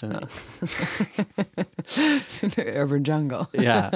ja, misschien kan ik dat aanbieden. En dan op, eh hoe heet dat, house sitters. Ja, precies. Hou mijn plant in leven. Ja, ja, maar wat het veilige van, van huizen swappen is dat je allebei belang hebt bij het goed achterlaten van het huis. Dus daar kom je ook weer dat reiskarma. Ja, dan en komt dat- het echt, dan Ja. komt het echt tot uiting, dan Ja. denk ik. Ja, maar zo, moet- zo, nou, zo moet je het altijd zien. Ja, precies. Ja, maar dan is het echt, Ja. oké, ik word nu wakker in een bed van iemand anders. Ik ben nu het huis aan het Ja. gebruiken van iemand En anders. diezelfde Tegelijkertijd. persoon ja, zit in mijn bed. Dus Ja. dan ga je wel netjes met, je, met, met iemand spullen om. Ja. Ja. En dat, nou, dat vind ik een heel... Dat vind ik ook met, nou dat is, eh, volgens mij dat ga ik er heel erg afhalen. Maar iedereen, iedereen loopt zo te kanker op Airbnb. Dat of Airbnb het systeem is wat, wat het verneukt. Maar dat is natuurlijk niet waar. Het zijn mensen die gewoon zich niet gedragen die het verneuken. Ik Ja. heb mijn huis ook wel op Airbnb verhuurd. En heb op één, één ervaring na alleen maar leuke mensen gehad. Die Ja. chocolaatjes meenemen en een kaartje mee achterlaten. En omdat ik gewoon ze zelf rondleid en vertel... hallo, dit is mijn huis al elf jaar. Ik woon hier en please Ja. be quiet for my neighbor. Dus als je het op een leuke persoonlijke manier doet... dan heb je altijd heb je leuke gasten. Maar het gaat mis met die domme huisjesmelkers... die gewoon zonder na te denken acht toeristen erin knallen... en verder geen enkele feeling hebben met dat huis... waardoor je dat ook niet overneemt... en je dus je de karma niet activeert. Dan denk je, ja, Nee, precies. Ja, op- ja, dit is een beetje... eh, dat is net zoals met toerisme op be- bepaalde plekken. Ik bedoel, ja, ieder mens gelijk en het zullen wel gewoon allemaal lieve mensen zijn als het er niet te veel zijn. Ja. Als, het, als ze opeens met z'n allen komen, dan is het super kut. Maar dan, Ja. ja. dan is het niet, dan zijn niet al die mensen kut. Maar het feit Nee. dat het te veel zijn en daarom moet het dus soms gereguleerd worden. Net zoals Precies. Airbnb. Ja, je, het, moet het mag wel geregeld. Nou ja, maar weet je, met Amsterdam denk ik ook... zitten ze eerst ze helemaal gek te pompen in, in, mar- in marketing overal over de hele wereld. En dan, en, dan, en dan is het druk en dan gaan ze zeggen... oh ja, sorry, het is niet zo vol. Ja. En de gemeente geeft de ene na de andere vergunning uit... voor allemaal superhotels. Maar dan gaan ze Ja. vervolgens met een vingertje naar Airbnb wijzen. Ja, dat snap ik ook niet doei. helemaal. Maar eh, ik weet niet wie er allemaal meeluisteren. Maar, eh, Ik hoop, ik hoop de gemeente. ja, maar, ja, maar kun je dat toelichten? Want ik weet niet of mensen die nu luisteren Nou hebben van... oh ja, we weten waar jullie het over hebben. ik, heb, ik zit daar helemaal niet goed genoeg in verder. Maar ik denk dat het ook komt doordat de gemeente aan hotels gewoon veel meer geld verdient. En die hotellobby zit er hartstikke sterk in. Ja, met die toeristen. Ik weet niet precies hoe dat zit met toeristenbelasting. Maar Ja, moet je hebt- als ja, Airbnb je dat ook afdragen? Ja, volgens mij wel. Uh, te denken. Als Airbnb-verhuurder bedoel ik. Oh, ik? Nee. Je moet wel gewoon inkomstenbelasting doen, maar geen toeristenbelasting. Misschien is dat wel in de prijs, hoor. Dat weet ik, dat weet ik niet helemaal goed. Ik heb al heel lang niet meer verhuurd namelijk. Maar, um, maar je, in principe verdient de gemeente niks aan Airbnb, zeg maar. Qua, ja, natuurlijk wel niet direct, nee, ja. Nee, maar ik, eh, ook dat weet ik niet hoe dat werkt. Maar het lijkt me dat hotels toch, die, die, die, daar lijkt me dat ze, dat ze meer aan verdienen. Ja. Maar dat, dat moet iemand maar... Ik weet niet hoe dat werkt precies. Ik weet ook niet welke politieke wind er nu waait... en of die anders is dan anders. Maar ik, de laatste waren er allemaal voorstellen... dat al die touringcarbussen ja, probeer het centrum uit... en de rondvaartboot opstap. Nee, opstappunten lijkt me niet. Jawel, de opstappunten. Want die zitten nu die, dat die buiten de grachtengordel komen, geloof ik. Gewoon een stuk verder uit de stad. En de, eh, de, de superschepen, hoe heet die dingen? Cruise schepen. Ja. Dat die ook ergens van... Ja, het is wel... Nou, ik woon dus al elf jaar uh, eh, 50 meter achter de Dam. Tussen de Dam en het Centraal Station. Weet je, als iemand mag meepraten over de drukte in het stadscentrum, dan ben ik het wel, vind ik altijd. Aan het woord is Airbnb-verhuurder. nou ja, nee, ik verhuur nu al heel lang mijn huis niet meer. Maar ik heb vorig jaar had ik op een gegeven moment dat ik het financieel behoorlijk lastig. En toen heb ik uit een soort nood heb ik toen mijn huis verhuurd een tijdje. En ben ik bij vrienden op de bank gaan liggen om, om maar mijn hypotheek te kunnen blijven betalen. Uh, dus toen vond ik ben blij dat het als middel op die manier ingezet kan worden. maar het stadscentrum, toen ik er elf jaar geleden kwam, in mijn straatje specifiek, dat, dat was ja, dat was een soort klein ghettootje. Dat was, er waren elke, elke avond opstootjes en alleen maar witwaszaken en heel veel duistere praktijkjes. En dat was, ja, ik vond, ik had het niet zo door en had er gewoon als strategie dat ik gewoon met iedereen vrienden werd, waardoor iedereen altijd heel aardig tegen me was. En waren allemaal van die hele grote criminele mannen en zeiden, oh, buuf, zal ik even je boodschappen omhoog tillen? Dat is altijd wel gezellig. Maar ik heb wel gezien, gewoon gaandeweg, wat er met die stad is gebeurd. En dat is wel. Ja, het, was, het, was, het, was, het was verschrikkelijk. Het was verschrikkelijk. Niemand wilde daar komen. 10, 12 is dat postcodegebied. Daar werd altijd een beetje mm van, nou, dan moet je vooral niet heen gaan. En alleen maar hoeruizen en echt chaos, alleen maar casino's. En toen werd het allemaal een beetje opgeschoond. En toen werd het op een gegeven moment heel leuk. Er kwam maar leuke horeca, was het allemaal leuk en gezellig. En nu is het helemaal doorgeslagen naar nu is het alleen maar... Het, gewoon... het is echt alleen maar hotels en echt alleen maar toeristen. Het is echt wel heel heftig. Alleen maar rolkoffergeluid. Alleen maar in mijn straatje. Mijn straatje is echt... Ik woon in een heel klein dwarsstraatje. Zitten drie uh, kofferopvangplekken. Weet je wel, zo drop your luggage Ja, het is, het is ook echt wel een goede plek tussen in het stadscentrum, vlakbij Centraal. Ja, ja, tussen Centraal en de Dam. Dus ik begrijp het wel, maar het is wel, het is echt wel heftig. Het is wel, ik denk, jezus mina, wat een hoop. En omdat het gewoon toeristen, zij brengen niet de leukste vorm van horeca met zich mee. Dat is gewoon heel snel, heel makkelijk en niet echt kwalitatief. Dus er zitten... Ik, ik woon ook boven een winkeltje op de begane grond van mijn pand zit een winkeltje en dat daar zat een, een kapper en daarna een telefoonzaak en een broodjeszaak. Het alles komt elk jaar komt er weer iets nieuws. En nu komt er een nieuwe winkel, nu komt een souvenirshop, okay. waarvan er al 700 in de stad zijn. Maar ja. nog meer mensen met Amsterdam mutsjes. Ja, oh, verschrikkelijk. Ja. Oké, maar uh, ja, dat is wel een lastig punt. Ja, het is niet aan mij om verder op te lossen. Maar ik hoop wel dat... Um... Ja, maar ja, dat is nou waar we ook een beetje over beginnen. Kijk, het is niet alleen die souvenirshops en dat soort dingen. Het is ook gewoon de manier waarop je er met, met reizen omgaat en met toerisme omgaat. Ja, ik zat te denken, is het dan... Want ja, je schrijft natuurlijk ook een boek ja, ik wil het wel zeggen, voor toeristen. Mensen die een andere plek bezoeken. Zeker, ja. dus, maar het, het, is tegelijkertijd ook misschien, ja, het is misschien een beetje activistisch. Van... Ja, misschien. Maar ja, nee, dat heb jij toch ook met jouw boek. Ik, vind, ik voel me daar wel dat ik denk, god, nog meer mensen die vliegtuigen in. ja. Jij gaat daar wel wat makkelijker mee om. Als dan, jij bent er gewoon... Ik vond het hoofdstuk wat je hebt geschreven over CO2. Dat, ging, dat was twee pagina's lang over... Uh, waarom. En dat vond ik heel, heel goed van je. En dan in de laatste zin, hoe je dat moet compenseren, dat zoek je zelf maar op. Ja, nou ja, dat gaat het hele boek over. Van, ja. kijk, kijk zelf maar even uiteindelijk. Alleen, ja ik, ik, ja, ik vind het zo'n lastige discussie eigenlijk. Maar dat komt ook, kijk, als ik het nu, als ik dit, ik, ga een tweede, tweede druk maken en dan ga ik hem, uh, dan ga ik dat wel toevoegen. Ja. um, ehm, CO2-compensatie. Alleen, ja, op, toen ik het, op het moment waarop ik het schreef en een beetje met mensen in discussie ging, ja, ik werd er een beetje moe van. Ja, dat snap ik. En um, eigenlijk had ik me daar overheen moeten zetten. Maar het, het punt is dat ik, um, ja, je, je kunt eigenlijk nooit iets goed doen, omdat alles wat je. Het is altijd wel iets wat kut is aan je acties. En als je daar veel, te veel door laat leiden, dan word je een soort, dan bevries je eigenlijk. Laatst postte ik dat ik een bepaalde chocola lekker vond. En basically was de boodschap, ik vind deze chocola le- lekker. En toen nou, reageerden wat mensen op. En dan reageerde er ook iemand, ja, maar deze chocolade is niet slaafvrij. Toen dacht ik, Ja, ja, nee, daar ga ik natuurlijk met mijn ogen van rollen. dacht ik, ja, nou ja, en ik denk, ik voel me dan, dan serieus een beetje kut over. Denk, ja, oh ja, dan ben ik eh, weer een of ander bedrijf aan het ehm, eh, steunen die dan Ja. weer niet goed gaat omgaan met zijn werknemers. Oh, het is nooit goed. Het is nooit goed. Ja, dat, dat, maar ik heb, word ook wel heel moe van die moraalpolitie die online zit en die altijd meteen op erbij is om je op de vingers te tikken met wat je allemaal niet goed doet. Dan denk ik ook, jezus jongens, Ja. kom op. Maar we doen het Ehm, zelf ook, want Maar we doen het zelf ook, ja. Ja. Maar ik vind wel met, ik had wel een sterk gevoel met zo'n met zo'n reisboek en, en dat ik, ja, nou, ik zei- wil niet het woord voorbeeldfunctie, maar je, je- als je mensen gaat aanzetten om iets te doen, dan moet je wel de verantwoordelijkheid nemen om dan op, op zijn minst te proberen dat ze dat dan wel op een goede manier doen. Mhm. Dus dat, dus met dat reizen ook.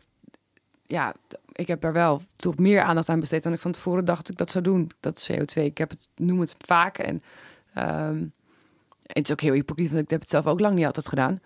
Ehm, maar het is, het is natuurlijk wel, het is wel een probleem, dat vliegen. Mhm. Dat is het echt. Het is zo takkenvervuilend. Het is, dat is hartstikke erg. ja. En het is zo goedkoop. Onze geliefde eh, mutual hate voor eh, Ryanair. Maar die vliegt gewoon voor een tientje vliegt dat naar Polen. Ik, ik begrijp gewoon niet hoe het kan. Dat, dat zou gewoon verboden moeten zijn. ja, nee, ja, ja. Vliegen moet niet zo goedkoop zijn. Nee, dat vind ik ook. Dat is idioot. Maar dat, dat, dat staat bijvoorbeeld in mijn boek. Dat Ja. ik, ik snap gewoon niet waarom er geen belasting op wordt gegeven. Nee. En ik, ja, anno 2018, ja ik, ja, eh, ja, ik begrijp gewoon echt niet. Want hoezo moet dat nog eh, gesubsidieerd worden? Want dat is een ja, vorm van subsidie. Dat er geen BTW op vliegtickets zit. Ja, en geen eh, accijns op kerosine. ja.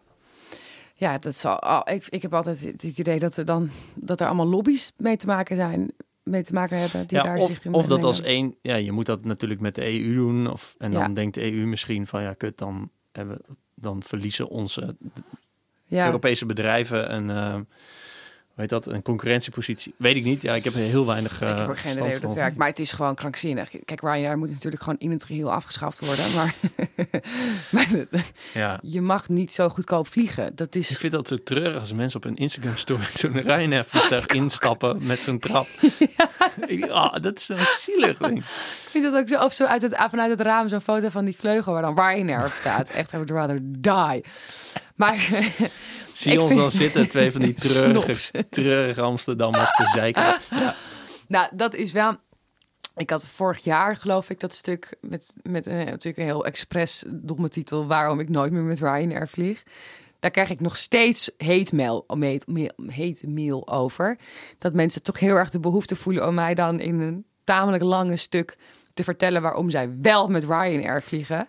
Dat ik denk, I really do not care. Ja. Ten eerste. En ten tweede, why do you care? Doe normaal. Ga, doe. Ik snap als je in Eindhoven woont dat je natuurlijk dat het, dat het ideaal is. Ja. Ga lekker dan met Ryanair vliegen. Maar ja, maar vooral die mensen zijn zo persoonlijk aangevallen elke keer. En ook op Twitter is dat als jij iets tweet over Ryanair, ga ik dat meteen sowieso retweeten. en er zijn er altijd mensen in, in die komen met, nou, nee, het is altijd niet waar je zegt. De andere airlines hebben dat. Weet ik, Ik heb, veel. ja, ik heb nooit problemen mee gehad of zoiets. Oh ja, nee, ik heb daar echt vooral over die blogpost super veel reacties gekregen van mensen die heel boos worden dan op mij. Nou ja, god. Ja, ik had het laatst nog dat we, we hadden een bruiloft in Spanje en we hadden een villa gehuurd met 18 mensen. Nee, het was een oneven aantal, want er was één niet een stel. maar goed, anyway, maakt niet uit. Iedereen kwam met allerlei verschillende vluchten, maar ook Ja. dus een aantal mensen met Ryanair. En dan, ik, zit dus, ik, vind, ik ga er zo lekker op dat iemand dan had dan eh, priority boarding gekocht. Maar dan 60% van het, van het toestel heeft dat gekocht. Dus die Ja, rij met voor niet priority 15 euro of zo. is dus Oh, korter, weet je wel, dat soort dingen. Het is zo'n takkenmaatschappij. Ik word echt altijd fysiek wo- woedend als ik... ja, Ja, maar eh, ja, ja, ze waren dus... Maar dat is, de- ehm, ik weet niet of je hier heel diep in, moet- op in moeten gaan. de, de kunst van Ryanair is wel dat ze gewoon het verwachtingsmanagement, het is zo laag. Want je denkt, nou, dit gaat, zo, dit gaat echt kut worden. En, en door jouw blog en mijn tweets, of misschien heb ik ook wel eens over geblogd, geblogd wordt dat, ja, wordt die, die kutnaam van Ryanair alleen maar bevestigd. Dus mensen verwachten dat toch al. Dus ja, het was wel kut, maar ja, het was wel goedkoop. Dus dat is wel prima. Ja, en ik heb, vroeg, ik heb vroeger ook wel met Ryanair gevlogen, hoor. Dus ik begrijp het wel. Maar het- op een gegeven moment moet je jezelf het gewoon niet meer aan willen doen. Dat heb ik meer. En ehm, ik vloog nu naar Pisa met Transavia. Ja, dat, dat, is, dat is ook niet, dat is ook niet, dat ik ook niet om te Op springen. randje, hè? Ja, maar ja, dat is dat doe ik dan nog wel, want dat is dat is vanaf Schiphol, dus dat vind ik prima. Ehm, en dat zijn goede vliegtijden, het kost ook geen drol. En als je dus met KLM, nou die vliegt trouwens niet eens op Pisa, maar ehm dat scheelt zo soms 300 euro. Mhm. En dan denk ik, ja, ja, voor dat kleine stukje doe ik het dan weer wel. Ja. En Transavia is echt lang niet zo erg. Ik bedoel, er is, er is, het, is, het is natuurlijk gewoon een budget airline, maar het is niet ja, ik doe dat ook liever Mensonterend niet, eh, als- Maar ja, Ja. Ryanair met stip... eh, wat betekent met stip eigenlijk? Nou, die staat gewoon stijf bovenaan. ja, met Kortere onderverdeling. Verveling. Oh, ja, maar ja, goed. Maar eh, Airlines zijn natuurlijk sowieso kut. hoe kwamen we hier eigenlijk op? Weet ik niet meer. In- ja, Afgedwaald. het is sowieso altijd goed om eventjes te zeggen dat Ryanair niet eh, goed is. Hey, eh, eh, heel iets anders. Ja, heel In een van de eerste ehm, bladzijden, dit is echt heel random dit, staat bonton. Wat is bonton? Goede smaak. Goede smaak? Ja. Er stond in de zin, dit is natuurlijk mm, wel of niet bonton. ja, dat staat er inderdaad. Het is natuurlijk heel erg bonton om te zeggen... Jij kent, het, jij kent het boek uit je hoofd Ik natuurlijk. heb het, ja, het zit, er nog wel goed in hoor. Je kunt het als Ehm, spreekwoord houden. ja, Ehm, ja het bonton is eh, dat het volgens, eh, volgens publieke, volgens de norm, zeg maar. Dus het is, heel, het is nu heel erg bonton om te zeggen dat Amsterdam een pretpark is geworden. Zo ja. van, dan doe je goed mee met, met wat iedereen zegt. Ja. Ik weet me nu even vergeten wat nou precies waar, waar het in het boek staat, maar het is erg bonton om iets te zeggen, inderdaad. Ik had altijd een klasgenoot, die kwam uit Somalië. En eh, die was niet zo goed in spreekwoorden. Dus iedere keer als Oh, hij ja. een spreekwoord of gezegd had, dan zette hij dat aan de binnenkant van zijn map. Maar ik heb dus nu bonton genoteerd. Je hebt bonton geleerd, ja. Dat is Even- een goede smaak. Ook heel iets anders. Dan Ja. ben ik bijna door mijn notities heen.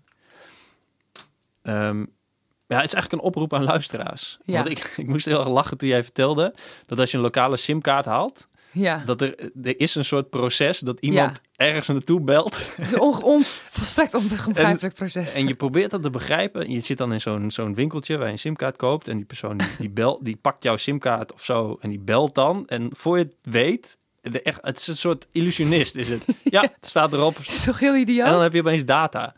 En mijn oproep is zelf kan je dus... het niet, hè? Mijn oproep raar. is dus... Wie kan ons vertellen wat daar gebeurt? Ja, wie belt die persoon? En hoe betaalt die persoon? Want dat is ook zo raar. Want jij, nou, voor wie niet weet waar dit over gaat, dit gaat dus over dat je, als je een, een simkaart in het buitenland koopt, dan koop je een simkaart en die doe je er dan in en dan ga je naar een winkeltje. Het zijn altijd hele rare, onbeduide winkeltjes, waar ook etenswaren worden verkocht Ja. of allerlei dingen worden er verkocht. En dan, gaat, dan moet diegene achter de toonbank, die belt dan het telefoonnummer op de pas waar dat kaartje, waar je simkaart in zat. En dan betaal jij geld aan die man. En die man heeft dan jouw data geactiveerd of erop gezet. Maar wie die persoon dan belt, wat er dan gebeurt, is me totaal onduidelijk. En ik begrijp, ik begrijp het niet. niet. Het is me ook nooit gelukt om het zelf te doen.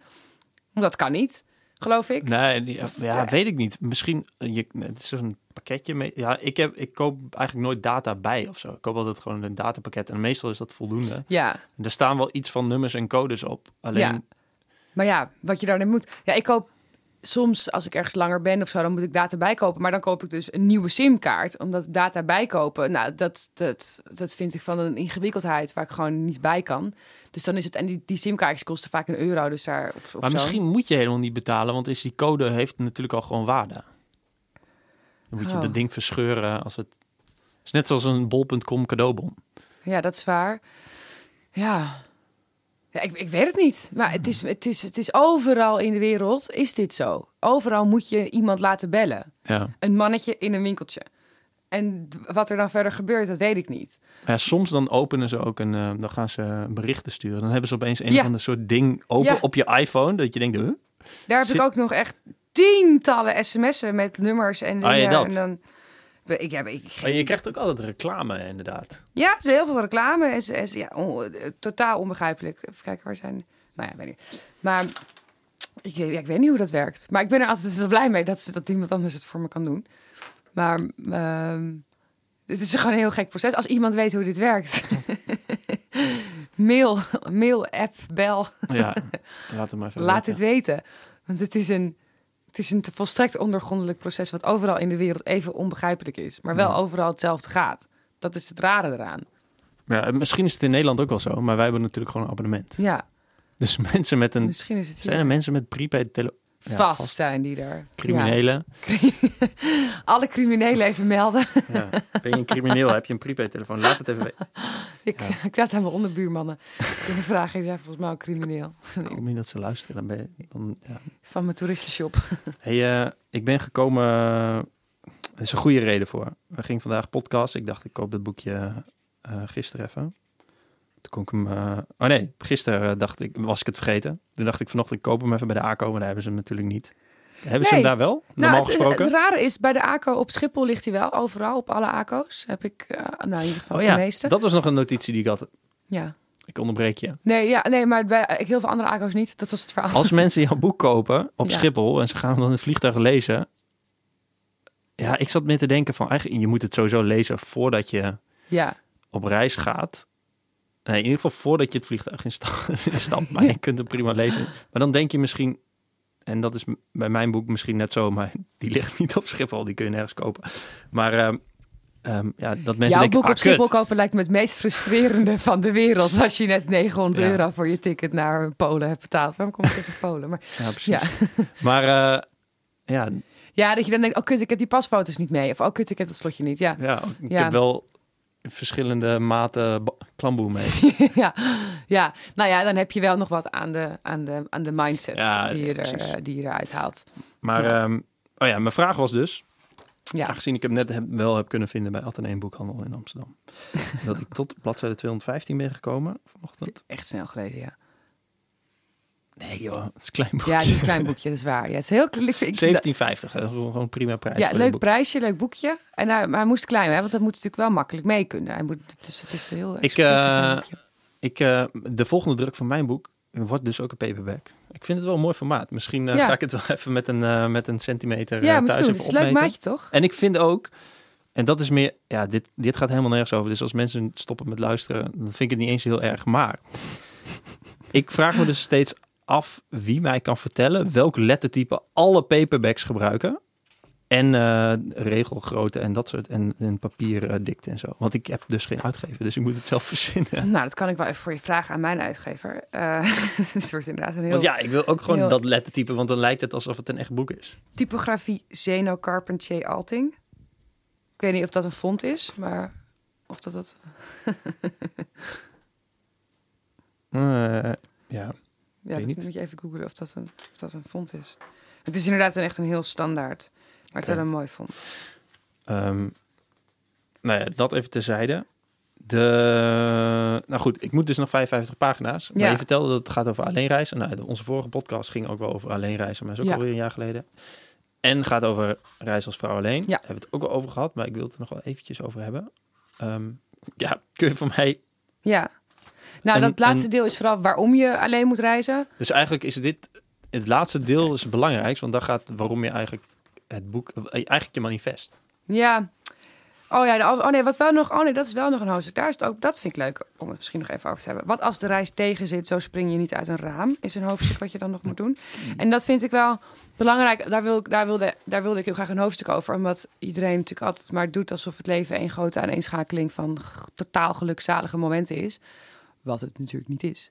En vooral op reis denkt iedereen: oh, ik heb er, dat, moet, dat is je vakantie. En niet iedereen gaat twaalf keer per jaar op reis. Dus die ene keer dat je gaat waar je heel lang voor hebt gespaard en waar je super lang naar uitkeek en waar je heel, heel erg op verheugt. Dat gaat daar gaan ook tegenslag zijn. Het gaat ook stom zijn. Er gaan ook dingen niet leuk zijn.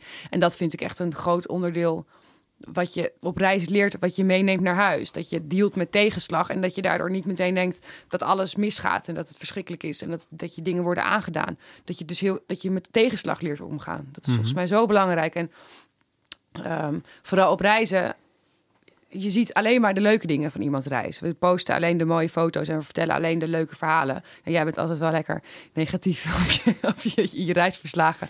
Maar gelukkig is je vrouw dan wel weer altijd heel positief. Ja, Dus dus ik raad ook mensen altijd aan om allebei te lezen. ik, ik, dat vraag ik me ook altijd af.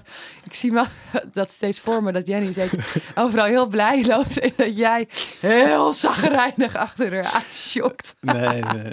Nee, ik weet dat het vast niet zo zou gaan. Nee, maar zo, ik vermaak me eigenlijk best wel, best wel vaak, best wel heel goed. En ik heb heel vaak, dit serieus waar, heb ik spierpijn van het lachen. Gewoon in mijn gezicht en in mijn buik en zo. Dat ik gewoon heel vaak heb ik heel veel pret.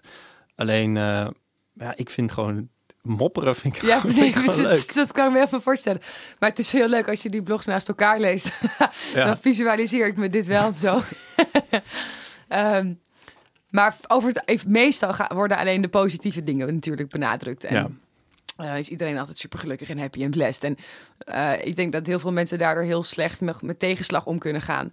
Omdat we daar zo weinig aandacht aan geven. Dus dat zit, er zit een groot deel, een groot hoofdstuk in het boek gaat over tegenslag. Hoe je daar wel mee omgaat. En dat het niet erg is. En dat het oké is. En dat het erbij hoort. En ook bij het leven hoort. En Ja, maar je Ehm, schreef al in een eerder hoofdstuk dat, dat als het bijvoorbeeld kut is, dat je dat ook best wel in je reisdagboek op moet schrijven. Ja. Omdat het juist een onderdeel is waar als je er later op terugkijkt, met, Ja. dat je, je er nog wel wat aan kunt hebben. Ja, zeker. En het zijn ook de slechte momenten in zo'n reis die, die heel tekenend gaan zijn voor je leven. En ehm, het is heel, dat vond ik een van de grote ontdekkingen van alleen reizen, is dat je dan de slechte situaties eigenhandig weer weet om te buigen in iets positiefs. En ehm, ook zo'n reis door de Filipijnen, ja, die was op het moment gewoon niet zo leuk. En als ik erop terugkijk, ik heb ik daar niet vet warme herinneringen aan. Maar wel denk ik, ja, dat is ook weer een les geweest. Daar heb ik ook weer wat van geleerd. En dat is dat is ook nuttig geweest uiteindelijk in het leven. En daar heb, daar heb, je, heb je altijd wat aan. Mhm. En al die, dat zijn dan in, het, in de grotere kutdingen, maar ook kleinere kutdingen van de bus missen of die te laat of eh, slechte vieze, vieze bedden. I don't know, allemaal kleine kutdingen. Dat is ook belangrijk. Die moet je niet blokken. Dat moet je ook toelaten. Nou, daar het is dus een groot hoofdstuk over dat tegenslag niet erg is. Ehm, en dan gaat het over soloreizen, geloof ik al. Oh ja, de thuiskomdepressie is er ook nog. Hoe je... Ja, en dan soloreizen. Nou, waarom je alleen moet reizen, daar hebben we het ook wel een beetje gehad. Zelfstandigheid. Mhm. Dat is mijn grote stokpaard. Ehm, ehm, en, en, en typische solo-reis, ongemakken. Foto's maken van jezelf in je eentje. Als er niemand is. Of alleen uit eten gaan. Ehm, in je eentje ongelukkig zijn. Dat is ook weer iets heel anders. Mhm. Ja, en als vrouw alleen reizen. Daar, moet- daar moet toch ook altijd iets over gezegd worden. Ja, maar dat, is- dat is wat je net zei, dat er best wel veel vrouwen dat aan jou vragen. Ja, Wa- Wat is daar je antwoord op? gaan. Ja, oké, maar dan er zijn wel wat meer woorden dan... Ja, uiteindelijk zijn het... Ja, ja maar het, ja, het, het zit met, dat is ook weer heel, te- heel tegenstrijdig. Dat ik het heel vervelend vind dat je als vrouw vaker te horen krijgt dat het niet kan. Of dat het waarschijnlijk wel moeilijk is dan als man. Ehm, en tegelijkertijd is het wel een onderwerp waar inderdaad meer aandacht aan besteed moet worden. Dus dat, dat, gaat ook, dat hou ik op die manier ook zelf in stand. Maar ehm, als ik zeg, ik ga in mijn eentje reizen, dan zeggen oh, kan dat wel? En, oh, is dat wel een goed idee? Ehm, en terwijl, waarom? waarom? Als, iets, wat we, als we iets hebben geleerd het afgelopen jaar, bijvoorbeeld van MeToo, is het wel dat seksueel grensoverschrijdend gedrag niet verbonden is aan cultuur, maar dat het gewoon echt een mensenprobleem is en dat het overal in de wereld gebeurt. Eh, en er zit een heel raar, hele rare mechaniek aan ten grondslag dat zodra je zegt dat je naar Sri Lanka bijvoorbeeld gaat, of de Filipijnen, dat ze dan zeggen, oh, dan moet je wel heel voorzichtig zijn, hè? Alsof het daar, alsof daar meer gevaar is voor een vrouw dan hier. Dat is dus gewoon niet per se waar. Ehm, maar tegelijkertijd, heb, dat merkte ik heel erg toen ik die mannelijke backpackers aan het interviewen was voor dit boek, waaronder Joost en nog, en nog drie anderen. Ehm, het gemak waarmee zij ook zeiden van ja, je moet gewoon al je angsten loslaten, je moet gewoon gaan en dit en dat, wat gaat ergens wat je kan gebeuren. Toen dacht ik ja, de, de zorgeloosheid waarmee je als man op reis gaat, dat is iets waar ik als vrouw toch wel eens benijd of even jaloers op ben of het kan benijden. Ik heb wel altijd, als, zeker als ik in mijn eentje ga, een soort ja, een soort sixth sense aan, zesde zintuig aan, waarbij ik me heel erg bewust ben van mijn omgeving. En ik, er zijn ook echt wel dingen die ik niet doe in mijn eentje. Omdat ik denk, ja, dat, dat moet ik gewoon niet doen. Dat is, en dat is, dat is jammer dat dat zo is. En dat je dat zo voelt. En deels komt dat doordat ehm, ook ik met dat soort rare gedachten zit van... oh, ik loop in mijn eentje Rio de Janeiro, als dat maar goed gaat. Terwijl ik dat nooit heb als ik hier in Amsterdam loop. En Amsterdam is ook, is ook gewoon een grote stad. In dat maar vind je dan ook van jezelf dat dat onterecht is dat je zorg hebt? Of Nou, nee, ik vind, wat ik, ik vind dat je die angst, nou, het is geen angst. Je moet altijd naar dat instinct luisteren. Dat is het belangrijkste wat je hebt. Dus als het iets niet goed voelt, dan is dat vaak ook wel zo. Wat je alleen niet moet doen, is andermans angst tot jouw angst maken. Dus Ja. toen ik naar Manila ging, bijvoorbeeld, zeiden mensen: Oh, dat is zo'n gevaarlijke stad. En ze schieten elkaar daar neer. En oh, blablabla. Dus toen ik daar aan het lopen was, het is helemaal geen leuke stad trouwens, maar ehm, dus op een gegeven moment liep ik en ik was verdwaald. En ik kwam in een soort klein volkswijkje achter iets uit. En toen begon ik helemaal te denken aan al die verhalen over: oh, overal lopen drugscriminelen. En dan mogen die, als, je, als, je, als je iemand drugs dealt, dan mag je diegene doodschieten. Het is een soort heel raar vogelvrij beleid vorig jaar. En ja, allemaal van die andermans oorlogsverhalen kwamen helemaal in mij op, waardoor ik me heel onveilig begon te voelen, terwijl daar echt geen enkele aanleiding voor was. Het was gewoon een klein straatje waar kinderen aan het spelen waren en vrouwen in een deuropening zaten en mannen waren eh, liepen. Er was niks aan de hand, maar andermans angst kan heel beperkend zijn, heel beklemmend zijn, terwijl je eigen angstgevoelens juist heel goed zijn, want die houden je scherp. Ja. Maar je moet wel. Dat was met die een van de jongens die ik erover sprak. Die zei: Ja, wat is nou het ergste wat je kan gebeuren? En toen zei ik: Nou, ik kan ontvoerd worden en de- het hele jaar door elke dag verkracht worden of zo. Weet je, dat Hmm. een verkrachting is, een, is een, niet alleen een fysieke, fysieke aanval, maar ook een psychologische aanval. Meer Ja. nog waarschijnlijk dan een beroving of zo. Ja. En het feit dat, ehm, dat, dat je als vrouw daartoe aanzienlijk kwetsbaarder voor bent, maakt dat je als vrouw alleen op reis kwetsbaarder bent dan als man alleen op reis. Mhm. Ehm, dus ja, je moet wel. Ja, ik zeg in het boek, be- betaal af en toe extra voor je eigen veiligheid. Kom je laat aan op een, op een vliegveld, eh, regel een pick-up van tevoren. Ja. zorgt dat je wordt opgehaald, dat je niet dan nog op zoek hoeft naar een taxi midden in de nacht. En ehm, neem vaker de taxi in plaats van de metro, bijvoorbeeld. Dat soort dingen. Dat, ja, dat, dat is toch een, wel een realiteit. En soms liegen dat je niet alleen bent. Ik heb in Sri Lanka bijvoorbeeld heel lang met een, echt wekenlang met een eh, niet bestaand vriendje gereisd. Die de hele tijd ziek was in een hotelkamer. Where's your boyfriend? En dan zei ik, oh no, he's sick. Oh, oké. Ja. En Altijd doen alsof er iemand is die op je wacht. Ehm, en dat zijn van die dingetjes waar ik mannen minder vaak over hoor. Ehm, ja, die kwetsbaarheid is er wel, helaas. Oké, maar, um, ehm, maar je vindt nog steeds, ga gewoon. Maar Ja. vertrouw dan meer op jezelf. Of gewoon Ja. vertrouw op jezelf. Ja, vertrouw maak- op jezelf. Maar wat is het dan? Maak een rationele afweging. Je moet altijd gaan. Je moet niet, je moet nooit, zeker als vrouw, in dit, in dit onderwerp dus vind ik niet dat je niet moet gaan omdat je vrouw bent en omdat je dan zogenaamd zo kwetsbaar bent. Of, of dat is, dat is, dat je moet je niet laten weerhouden door dat soort dingen. Dan, dat, ja, blijf dan maar gewoon binnen. Ja. Eh, dan, moet je, dan kan je nooit meer wat doen. Dus dat, je moet je nooit door angst laten leiden. Weet je. je mag wel zenuwachtig zijn voor dingen. Je mag dingen wel eng vinden en spannend vinden. Maar je moet ze wel gewoon doen. Mhm. Ehm, dat, dat zou heel jammer zijn als je daardoor dingen niet meer gaat doen. Maar ja, lees je misschien wat beter in, bereid je wat beter voor. Zorg dat je altijd een kaartje hebt van je hostel dat je kunt laten zien aan een taxi of zo. Weet je. Zorg dat je weet waar je hostel is. Ehm, ik heb wel met veel reisvrienden gehad dat ik dan, als bijvoorbeeld ook in Rio, had ik op een gegeven moment een, eh, drie jongensreisvrienden, twee Australiërs, hele grote surfgasten. En er was een bepaalde eh, eh, favela waar we dan in wilden, heen wilden. En daar wilde ik in mijn eentje, dacht ik, ja, dat ga ik niet doen. Dat Nee. vind ik dan toch. Want ja, dat durfde ik dan niet. Maar met hun durfde ik dat wel. Dus toen hebben, zijn we erin gegaan. Hartstikke leuk. Nou, helemaal te gek gehad. Ha- Was helemaal leuk. Maar dat, dat Maar was dat dan was dat een tour? Of, eh, Nee, gewoon zelf. Je komt naar de. Dus de, je hebt eh, Ipanema, de, de, die wijk. Ehm, en daar iets verder ligt die. Dus aan de voet van die favela's op een berg. eh staan is allemaal... dat die Rocinha? Nee, dat is, die is echt helemaal eh pacified, noemen ze dat dan. Maar deze is wel gewoon nog echt, zeg maar. Nog een, dat is nog echt, maar niet... Hij ligt zo dicht bij Ipanema dat het niet... eh, dat hij niet super gevaarlijk is of zo. Maar wel, je hebt er wel de, de, de, de, de, de- hoe noem je dat? Die, die vliegers. Dat je, dat je ook in City of God ziet. Dat ze op die manier waarschuwen als de politie komt. Zo. Dat Ah, is er ja, allemaal ja. nog heel erg aan de hand. En Ja. lokkinderen. En het is wel, je voelt wel dat, dat je daar niet meer in de, stad, in de stad bent. Maar aan de voet van zo'n favela staan kinderen op scootertjes en brommertjes. En hier rij je dan omhoog. Ehm, wat super vet was. Maar, en, dan, en we zijn gewoon zelf naar beneden gelopen. En dat was echt wel tof. Maar ja, dat had ik als in mijn eentje niet gedaan. En andere vrouwen misschien wel. Hè. Misschien ben ik daar ook gewoon weer een mietje in dat ik dat dan niet durf. Maar ik, heb, ik durfde dat niet. Ik voelde me daar niet veilig genoeg voor. Ehm, maar met hun wel. Ja. Ehm, en zij waren daar al eerder geweest ook. Dat scheelde die week. Zij waren gewoon met z'n tweeën daarheen gegaan. En niet eens, hadden ze niet eens over nagedacht om dat wel of niet te doen. En de, de zorgeloosheid en de achterloosheid ook vaak waarmee ik gasten gewoon zich helemaal in delirium zie zuipen op reis en dan gewoon zwalkend naar huis of slapen. Ha, of, of, ik heb ook wel van die verhalen gehoord. Oh, je was zo drunk, I slept in the park. Ik denk, ja, ik, Ja. Ga, ik ga niet in mijn eentje lam in een park liggen, want mijn god, wat er dan met me gaat gebeuren, bij wijze van spreken. Ja, Dat zou ik ook niet hier in Amsterdam doen. Nee. Je bent gewoon, denk ik, als vrouw van nature wat voorzichtiger. En daar zit de crux. Zo word je ook gemaakt. Dat, want je krijgt de hele tijd te horen, oh, doe je wel voorzichtig. Veel meer.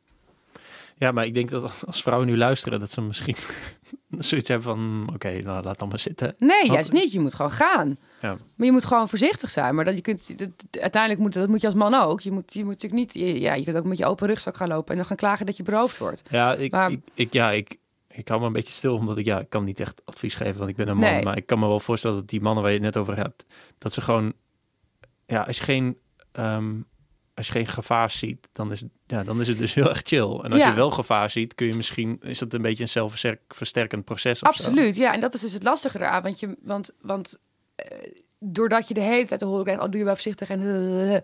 word je daardoor ook voorzichtiger. En daarin ga je jezelf beperken. Het liefst wil ik, wil ik ook zeggen... joh, helemaal niks aan de hand, gewoon lekker gaan, kan jou het schelen. Ja. Maar tegelijkertijd vind ik het ook weer niet verantwoordelijk om dat te doen. En zo ga ik zelf ook niet te reis, op reis. Ehm, maar je moet natuurlijk gaan. Je bent gekke Jood als je niet gaat. Dus mochten mensen nu denken, ik ga niet gaan. Je- Er is niks wat je niet kan. Nee. En juist is het heel goed, vond ik het heel bevrijdend... en vind ik het nog steeds heel fijn om te weten... dat ik in, eigenlijk in, in, in situaties altijd gewoon nog mezelf heb. En dat is een heel prettige gedachte, dat je daarvan op aan kan. Ehm, en ja, gebruik gewoon je gezond verstand. Dat is het natuurlijk ook. Ja.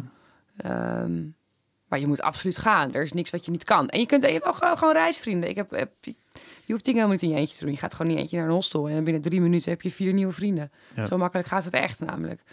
Ehm, en er gelden, gelden hele andere sociale regels in hostels en op reizen. Je mag gewoon vragen... What are you gonna do today? I'm going to the beach. Okay, I join you. Okay, fine. Terwijl je dat... Hier doe je dat natuurlijk niet.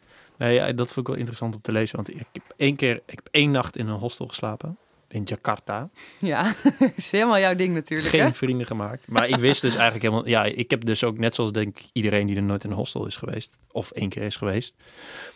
Gewoon een beeld van, oké, een hostel als een hostel. Maar je legt ook helemaal uit dat er allemaal verschillende soorten... Of tenminste, ze staan niet zo... Ze hebben geen categorie naam op de deur. zeg Nee, maar je, je kunt ze wel een beetje onderverdelen in soorten hostels, inderdaad. En er zijn gewoon hele interessante sociale dynamieken gaande in hostels. Dat vind ik het leuke. Ja, ik, ik, ja, ik ben er dus nog nooit geweest. Nee. Dus correct me if I'm wrong. Maar kun je het vergelijken met... Ik ging vroeger dus wel vaak naar de camping. Ik weet niet of jij dat hebt gedaan. Maar dan had je de, Ja. had je de tafeltennistafel. En Ja. dan ging je, je, Ja. ging, je kwam gewoon aan met je bedje. En dan ging je rond de tafel doen. ja, En dan, ja, dan werd je gewoon vrienden met Ja. die mensen. En dat was het eigenlijk ja een dat, is, dat is het nog steeds. Ik had het laatst met een, een vriend van mij, heeft een kind en die, eh, het meisje is vier.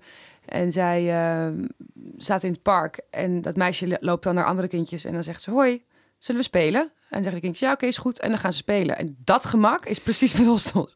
Ja. Dus die sociale, eh, de sociale conventies vervallen gewoon. Het maakt ook helemaal niet uit wie die mensen zijn. Ik ben met vrienden, ik heb met, met mensen gereisd, met reisvrienden dus gemaakt, met, met wie ik in het dagelijks leven absoluut geen enkel raakvlak heb. Maar dat Ja. maakt helemaal niet uit op reis. En dat, dat vind ik heel leuk. Daar geniet ik heel erg van. Dat vind ik, dat vind ik, ja, dat is wel mooi. Dat is leuk. En dat zijn allemaal mensen waarmee je dan dus na drie dagen... oké, oké, ik ga eh, naar Noord, jij gaat naar Zuid. eh. En dan zie je elkaar nooit meer. Ja. Behalve op Facebook laat je af en toe een keer een foto van elkaar. Maar in principe niet. En dat maakt dus niet uit. Dat zijn... Ik vind, ik vind vriendschappen allemaal heel belangrijk en heel leuk. Maar ik vind het ook... Het zijn ook hele ingewikkelde sociale constructies. Ja. Ehm, en, en dat is op reis is dat niet. Het, zijn allemaal hele, het zijn allemaal hele, hele makkelijke, uitgefilterde versies van, alle, van alles wat we hier hebben of zo. Dat, het is gewoon, nou, we gaan nu gewoon samen wat doen. Oké, Ja. prima. En dan ga je dat doen. Ja, dat is wel... Ja, ja klopt. Het is heel, het is heel overzichtelijk of Het zo. is, dat is, ik vind dat mooi aan mensen, dat, ze, dat eigenlijk iedereen dat nog wel in zich heeft. Een soort van toenadering zoeken, ja, vinden. tuurlijk. Ja, dan- we zijn toch echt kuddedieren. We willen, uiteindelijk willen we altijd met elkaar dingen doen. Ja. En dat maakt het ook, zeker dat backpackreizen, dat maakt dat zo leuk. Dat, dat je met allemaal gekke mensen uit gekke uithoeken van de wereld opeens vier dagen optrekt en allemaal leuke avonturen mee beleeft. En ehm, daar zit echt mijn, mijn warmste herinneringen aan, aan, aan, aan dat soort ontmoetingen. En eh, je gaat het ook nog heel lang blijven doen, zei je. Ja. Tot je denk het wel. 70 bent. Ja, nou ja, dan moet je me afwachten of mijn heupen dat allemaal nog aan kunnen. Maar, maar in principe eh, zie ik niet een... Ik merk wel steeds vaker dat ik, dat ik vaker mijn, zoals ik het in het boek noem, mijn eh oplaathotels of afsluithotels. Want die bedden in hostels zijn helemaal kut. Dus je ligt wel op kutkwaliteit. En ik heb wel steeds vaker behoefte aan eventjes een lekker bed. En dan boek ik een hotelletje of een, of een Airbnb.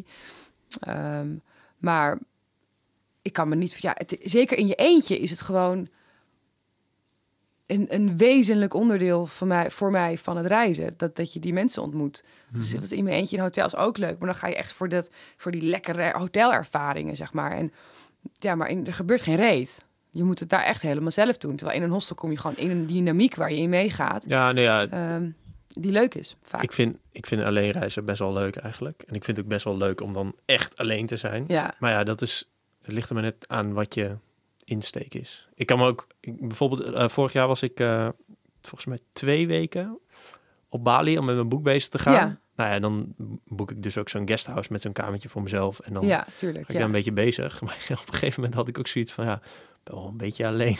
ja die, Nou, ik heb al nou, drie een dagen dag niet meer gesproken. Ja, nou bijvoorbeeld. Dat je Ja. echt weinig... Want ja, je gaat dan, je pak je scootertje, ga je even ergens naartoe en dan ga je wat eten en dan ga je een beetje schrijven en dan ga je weer terug zwembad. Ja, je spreekt wel eens wat mensen, maar op een gegeven moment dan...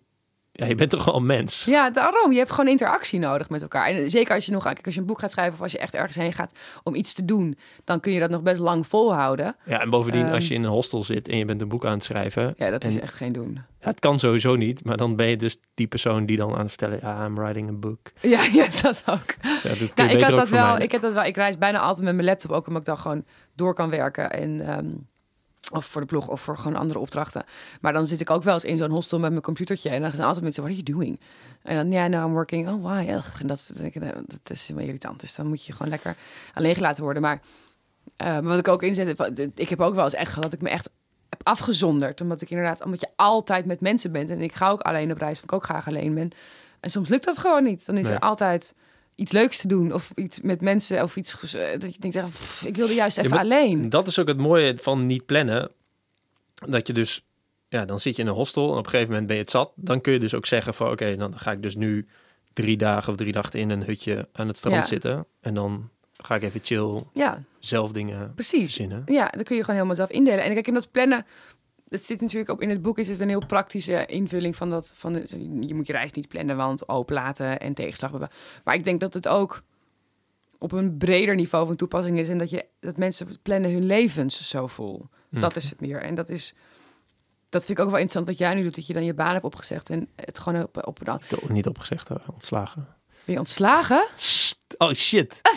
You heard it here, fir- uh, you heard it here first. Wauw, dit, kan, dit ga ik knippen. Ja. Wat, ben je ontslagen? Daar gaan we het niet over hebben. Oh, dat doen we dan zo meteen wel als de microfoon uitgaat. Ja.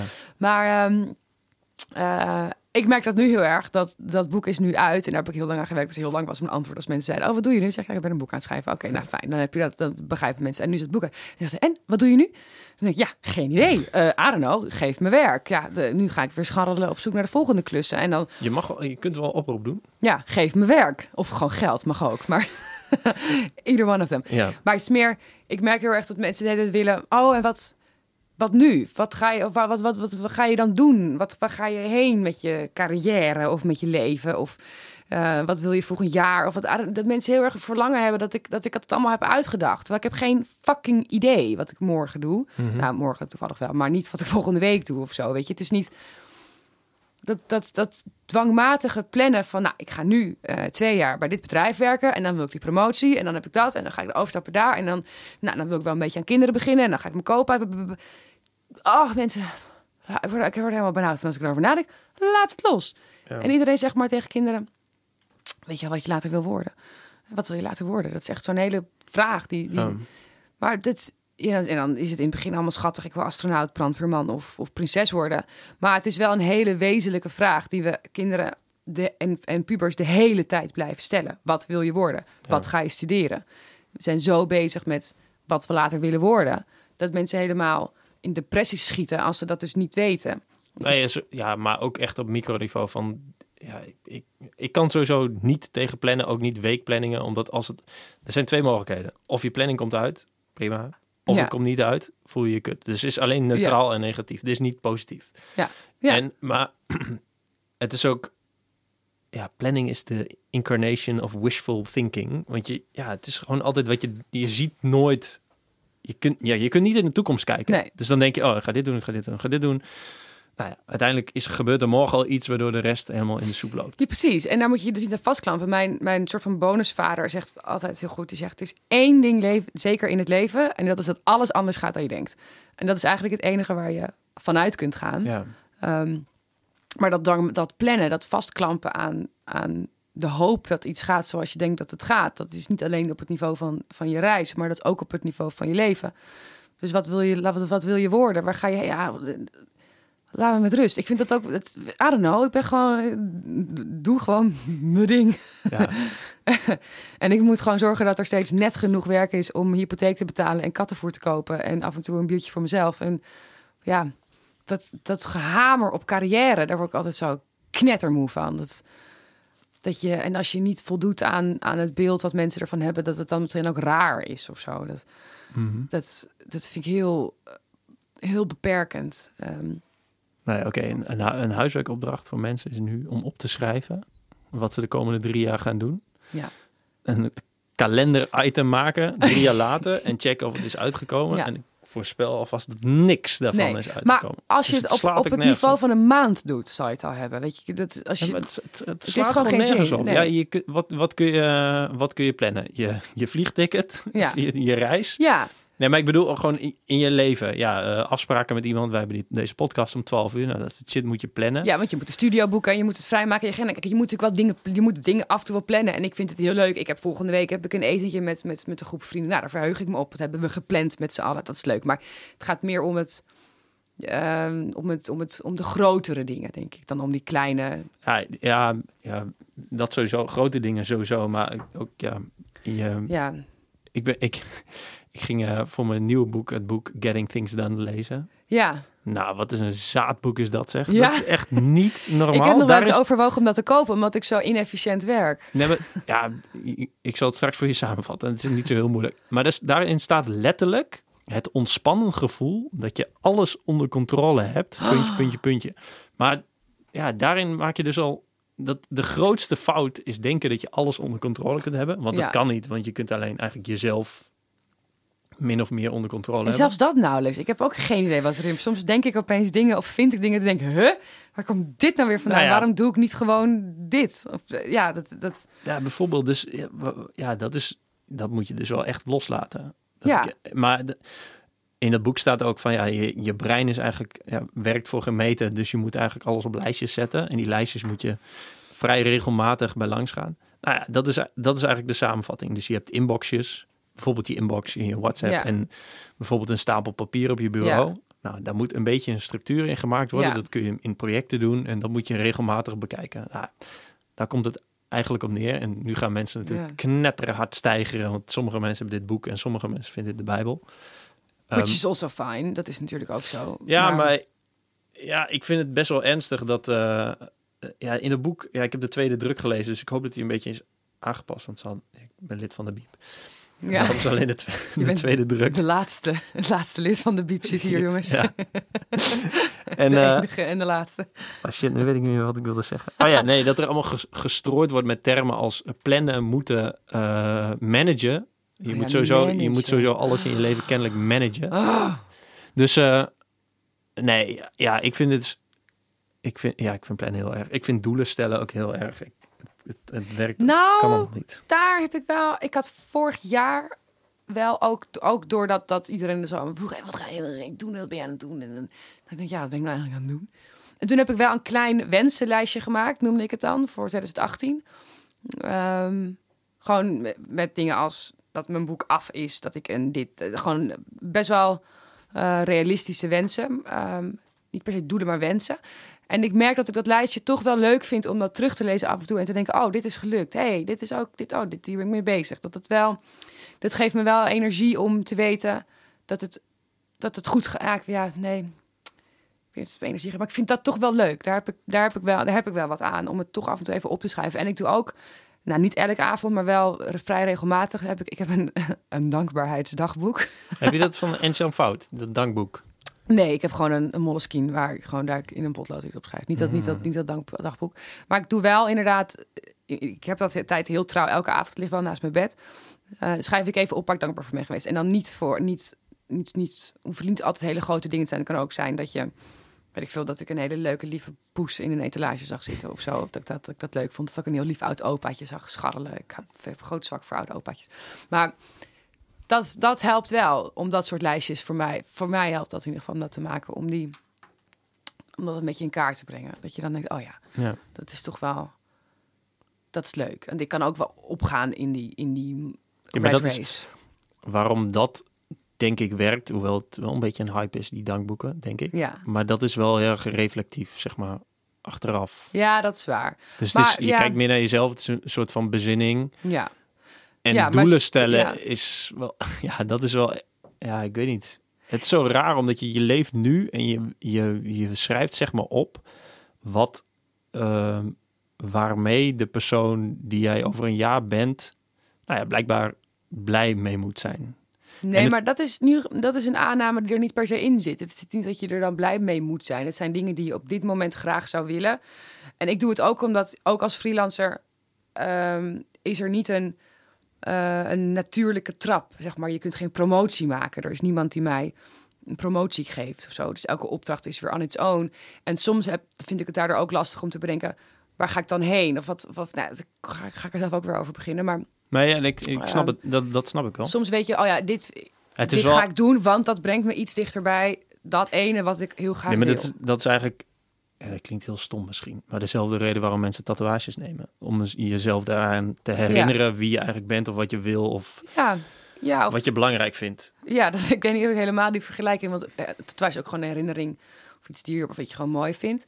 Maar dat doelen, het, zit nog wel, ik vind het, doelen stellen zit meer in dan ik het in eerste instantie gewoon zou willen wegwuiven. Het is wel fijn om een klein beetje, ik vind het ook wel eens lastig hoor, dat ik nu, nu ik maak grapjes over, geef mijn werk, geef me geld. Maar ik heb nu wel zoiets van, nou, het, is het doel van dit jaar is om structureel een financi zekerder financieel bestaan te gaan opbouwen. Want ik Hm. word er helemaal knettergek van dat ik elke maand een soort van zit, ah, hoe ga ik het nu weer rondbreien? Ja. Dus, dat, dus doelen zijn ook, ze kunnen je ook wel houvast geven als je niet weet waar je heen moet. En, ehm, maar het is iets anders om die doelen eh, in cement te bijtelen en daar helemaal je leven omheen te plannen en die doelen heilig te maken. Dat moet je, dat, misschien moet je ze dus geen doelen noemen, moet je ze wensen noemen. Ja. Dat dat beter is en minder dwangmatig dan doelen. Ehm, maar er zijn hele coachingstrajecten om je doelen te verwezenlijken. Blablabla. En ja, misschien dat het voor ondernemers heel goed werkt. Ik denk, heb geen idee. Ja, ja. Maar Ja. ook dat is dan meer, kunnen. denk ik, jouw favoriete ding, symptoombestrijding. Je moet natuurlijk moet oké zijn met het niet weten waar je heen gaat. Een stap terug gaan. Nou, wat, waarom ik het, ehm, waarom ik een beetje op tegen ben, misschien op dit moment, is dat omdat ik zelf heel erg in de toekomst leef. Dat ik denk, oké, maar wat, wat, ehm, later wordt het beter en ja, En dan straks. Ja, ja, ja. Maar het heeft ook wel met verheugen te maken, want dat is een lekker gevoel. Ergens naar, naar, naar, eh, naar vooruit kijken. En ik, ja, ik kan gewoon zelf niet zo heel goed in een moment leven. Nee, dus daarom ik ook moeilijk, ben ik ja. daar heel druk mee bezig. Om dat heel erg plannen en doelen weg te gooien. En te gaan checken Ja. van oké, maar wat is, wat is er nu? En is dat chill? Ja. En we zien wel. En ja, dat werkt heel erg goed. Dus dat wil ik bijvoorbeeld in mijn volgende boek wel echt meegeven. Ja. Ja, dat snap ik. En dat is ook iets wat, wat we heel vaak vergeten en wat heel moeilijk gemaakt wordt. Hè? Om, om, omdat we altijd bezig zijn met later. Ja. We leven voor het later, maar dat later, dat komt niet. Want dat later is, dan is er nog weer later. Ja, het is, het is een beetje een. eh, shit, man. Ik heb het wel, ik heb het wel genoteerd. Maar het is. Nee, iemand zei: mensen zijn niet bang voor de dood, maar mensen zijn bang om niet geleefd te hebben. En ja, door al die prikkels om mensen, mensen om, heen, ons heen op Instagram en zo, denkt Ja. iedereen van kut. Iedereen doet allemaal toffe shit, maar Ja. ik niet. Maar dat is dus niet zo. Nee, en Want volgens mij doet iedereen wel toffe shit.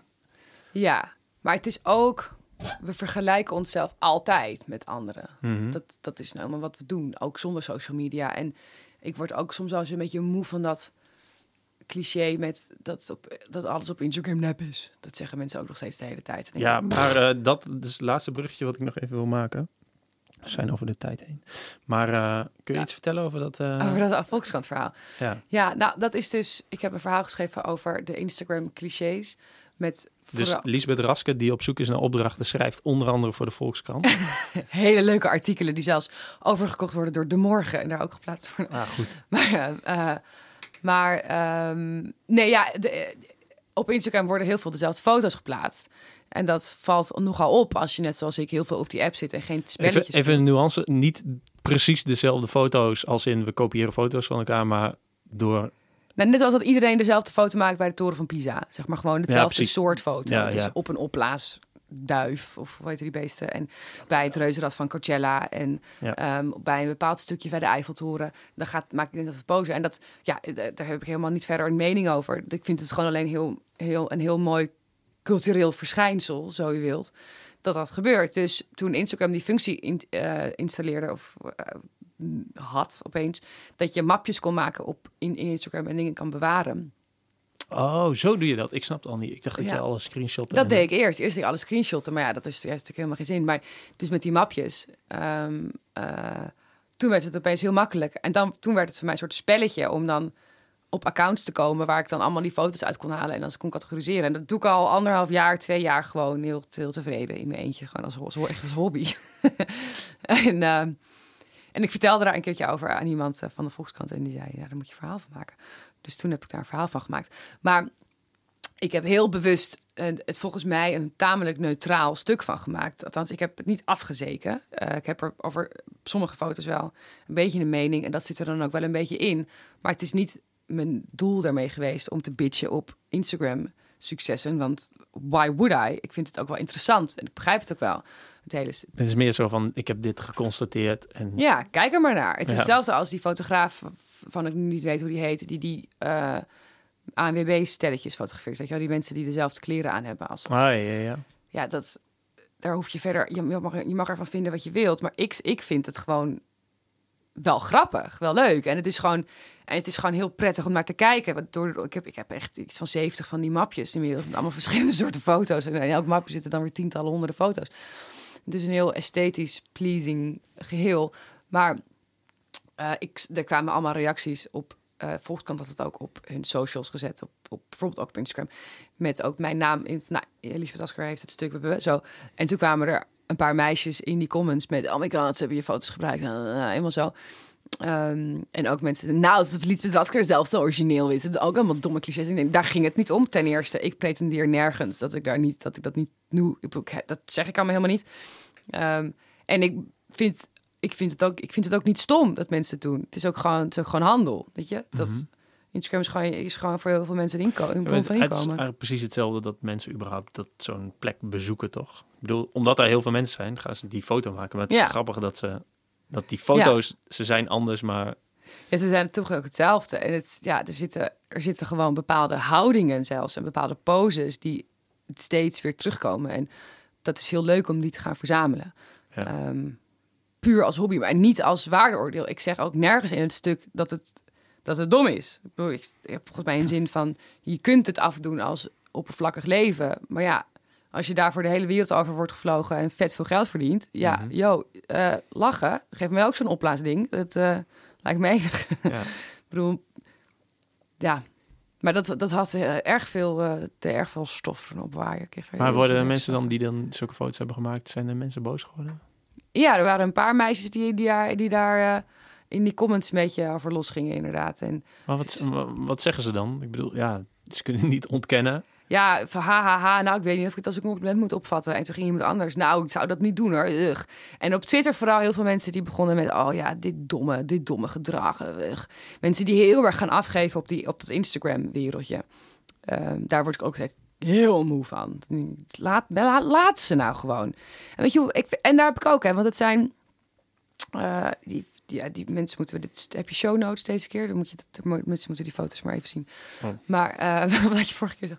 Check Maar- gewoon Volkskrant, Ja, Lisbeth Instagram. Rasker. Maar Instagram. het zijn ook best wel mooie foto's vaak. Ik vind het wel, wel, wel, wel pleasing plaatjes. Het, zijn, het is niet een, per se een stijl waar ik zelf aan meedoe. Maar ik vind het wel mooie foto's. En het zijn mooie foto's die mooi bewerkt zijn. En het is allemaal, het is allemaal lekker of zo. Dus het is ook. Het is een productie. Want Het is toch ja, gewoon een productie. Ja, je moet het niet... Ik bedoel, mensen kiezen... Ja, ja, mensen pretenderen misschien moet ik mijn bek behouden, maar mensen kiezen hun outfit natuurlijk. Kopen Ja, een tuurlijk. of- Helemaal. Het is helemaal bedacht. En de, en de locaties worden gescout en het licht wordt uitgemeten. En nee, het is, het is gewoon, het, heeft, het is niet een kiekje van mijn leven, van, van iemands leven. Het is gewoon een, het wordt, er wordt daar een beeld gecreëerd. En daar kun je verder van alles van vinden, maar je kunt het ook gewoon accepteren zoals het is. En het, als jij een publiek van 500.000 mensen weet op te bouwen en te vermaken, dan, dan ben je gewoon iets heel goeds aan het doen. En het is hetzelfde als mensen die, dat het heel makkelijk is om, af te, om, om te zeiken op vloggers. Maar ja, je- niet elke vlogger wordt Enzo Knol. En niet elke vlogger weet een groot bereik op te bouwen. Er zit blijkbaar toch iets ongrijpbaars in sommige mensen... wat ze tot een online succes maakt. Ja. Van hele saaie huismoeders tot, tot, tot, tot totaal debiele gamers. Tot, ja, de- daar, Er sommige... een oordeel in. Ja, ik zou, daar, daar kun je een oordeel in vinden. Dat is, dat is een oordeel. Maar dat zijn ook mensen die dus... Dat, ja, ik, ik hoef er niet naar iemand te kijken die vijf uur lang Warcraft, of ik weet niet hoe spelletjes heten, maar die aan het gamen is te kijken. Maar dat, dat is een wereld die geheel en al aan mij voorbij gaat. Ja. Net zoals dat ik ook niet tien minuten lang een unboxing van de prenatal hoef te zien. Omdat het dat niet, mij niet aangaat. Maar dat is voor heel veel mensen blijkbaar wel interessant. En mensen doen heel snel. Oh, dat is voor mij niet interessant. Dus dan is het in het geheel niet interessant. Ik vind vloggers dom en oppervlakkig. Dus iedereen, dus alles op vloggers en dom en oppervlakkig of zo. Dat, die hele nieuwe mediavormen, ja goed, het is heel erg af te halen, maar die nieuwe mediavormen die worden zo snel weggezet als onzin. Terwijl dat gewoon geen onzin is. Die Instagram-meiden, die zijn hartstikke succesvol en die verdienen heel veel geld. En die hebben een heel leuk bestaan voor zichzelf daarin gecreëerd. Ehm, en doen wat ze leuk vinden, zijn eigen baas. Waarom zouden we, daar, waarom zouden we daarop afgeven? Ja, weet ik niet. Nee, nee, maar niet dat jij, ik, wij, maar dat, dat Nee, merk ik wel. Dat, dat mensen toch snel... Nou, Nou, ik weet niet. Weet je wat ik denk dat het is? Ehm, je kunt er best... Ja, je kunt best zeggen dat, dat je het stom vindt. Maar je moet, het moet niet...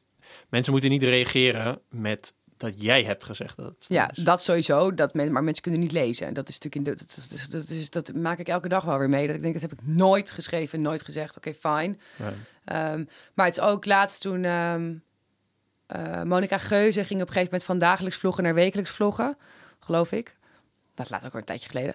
Maar toen was in RTL Boulevard werd dat ook gezegd. En toen zei eh, een van de presentatoren, zei, ja, nou, eh, pff, het is, eh, het, het is allemaal, is allemaal wel zwaar, hè, dat vloggen. Waar? Want je moet je voorstellen, elke dag een videootje, heel sarcastisch. Ik denk, ga het eens doen dan. Ja. Ga jij eens drie jaar lang elke dag een video maken. Ja. Maar, en, en haal daar 300.000 volgers mee binnen. Doe het maar. In plaats van toen Bibi Rij, Rijmer, Rijmans, de Bibi, Bibi Rijmers, was overspannen. Had een burn-out en dan had ze in een video op haar kanaal gezet. En, en iedereen meteen, "Pff, hoe kan een vlogger nou een burn-out hebben? Wat doen die nou de hele dag? Weet je, het wordt allemaal zo. Dat ik denk, jezus, erken is gewoon het bestaan van die mensen. En, dat nieuw, en die nieuwe vormen. Omdat jij het niet snapt en omdat jij te oud bent ervoor, wil niet zeggen dat het, dat het niet bestaat. Nee.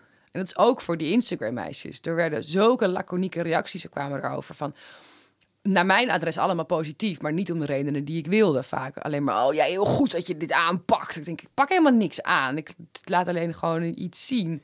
Maar ik wil, ik wil het is helemaal niks aanpakken. Het is gewoon... Is er ja, gewoon. weet je, niet- ja, geen idee. Het zijn al, ik weet wel wat voor emotie ik erbij had. Ik vond het gewoon heel, gewoon, het is, het is gewoon, eh, hoe heet het? Een, eh, ik weet niet, ik weet niet precies hoe je het moet uitleggen. Ik vond, ik moest gewoon, ik vond het heel erg grappig om in één keer allemaal Ja. dezelfde foto's. Maar ik, Ik moest, ik moest sowieso lachen dat jij dat allemaal bijhoudt. Ja, dat is, het is heel Vond neurotisch. ik, vond ik eh, heel iets aandoenlijks hebben of zo. En ik vond het ook heel mooi om in één keer te zien dat iedereen die foto's maakt. Ja, hier, wacht. Nou, dit hebben de mensen thuis niks, dus dat moet je er maar even uitknippen dan. Maar dit zijn al die mapjes. Als, ik heb natuurlijk een slecht bereik hier. Maar Ah, ja. Uit water lopen, ja, dat stond er ook inderdaad. ja, dat is, het, zi- het zijn er zoveel. Lezerspost.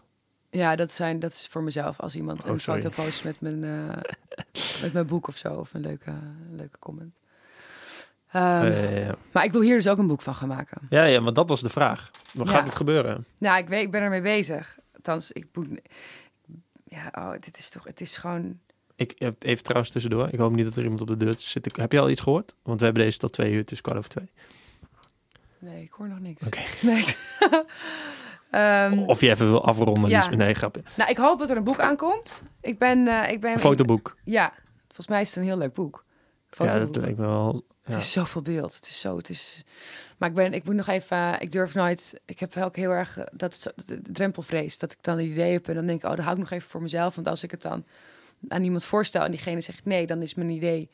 Dan kan ik het niet meer doen of zo. Dat, nou, dat is ook weer Ja. raar bijgeloof. Ik heb ook heel lang met dat boekconcept rondgelopen. Ik dacht, als ik het naar een uitgever stuur en die wil het niet hebben, dan is mijn droom in duigen. Ja. Dus zolang ik ook niks doe, kan ik ook niet afgewezen worden. Oké. Maar goed, ga op reis. Neem mijn boek Oh ja, mee. daar Geef me over. werk Ja. En Binnen, wees autonoom. binnen, ja. binnen in Mongolië. Ehm, En andere oplosbare reisongemakken. in, te koop in iedere boekhandel. Behalve de ACO's Behalve bij de de stations. ACO die om half zeven open is op Centraal. ja, bizar. Was hij vroeg op trouwens dan? Nee, dit, ik was niet om half zeven. Oh. Eh, maar die ACO's niet, maar wel de. ACO's op Schiphol. En anders bol.com. Ja, maar su- support your local bookstore. Oh ja, dat vind je echt? Ja. Ik vind, ik vind bol.com zo de duivel. Oeh, waarom? Nou, dat is trouwens helemaal niet waar. Dat is natuurlijk nu heel stellig, maar dat ik koop ook zo bij bol.com. Maar ik vind wel ik, vind- dat dat soort winkels, die concurreren wel de kleine winkeltjes weg. Ja, dat vind ik wel. Als je, le- le- ja, support your local bookstore. Dat, dat, ja. Oké, dus koop het boek niet... eh, Jij hebt ook een hekel aan bol.com, toch? Dus Dat- ze, zijn ook, ze hebben ook dat ze veel meer marge voor, ze- voor hun producten Ah, ja, is helemaal, het is helemaal dramatisch inderdaad. Ik stuur, ik stuur een nieuwsbrief nu met boekreviews. En eh hey, misschien komt die voor jou er ook al in. Eh, maar ehm, daar heb ik dus ook bol.com linkjes. Want er zit een affiliate link achter. En dan verdien Ja. ik een eurotje per verkocht boek of zo. Ja. Maar eh, ja, dat had ik wel. Dat kan ook anders, ja. ja, ik weet niet. Ik, nee, ik heb het nu ook. Ik heb het nu ook in mijn bio op Instagram. Maar ik heb dan nu de link van een boekwinkel gepakt in plaats van bol.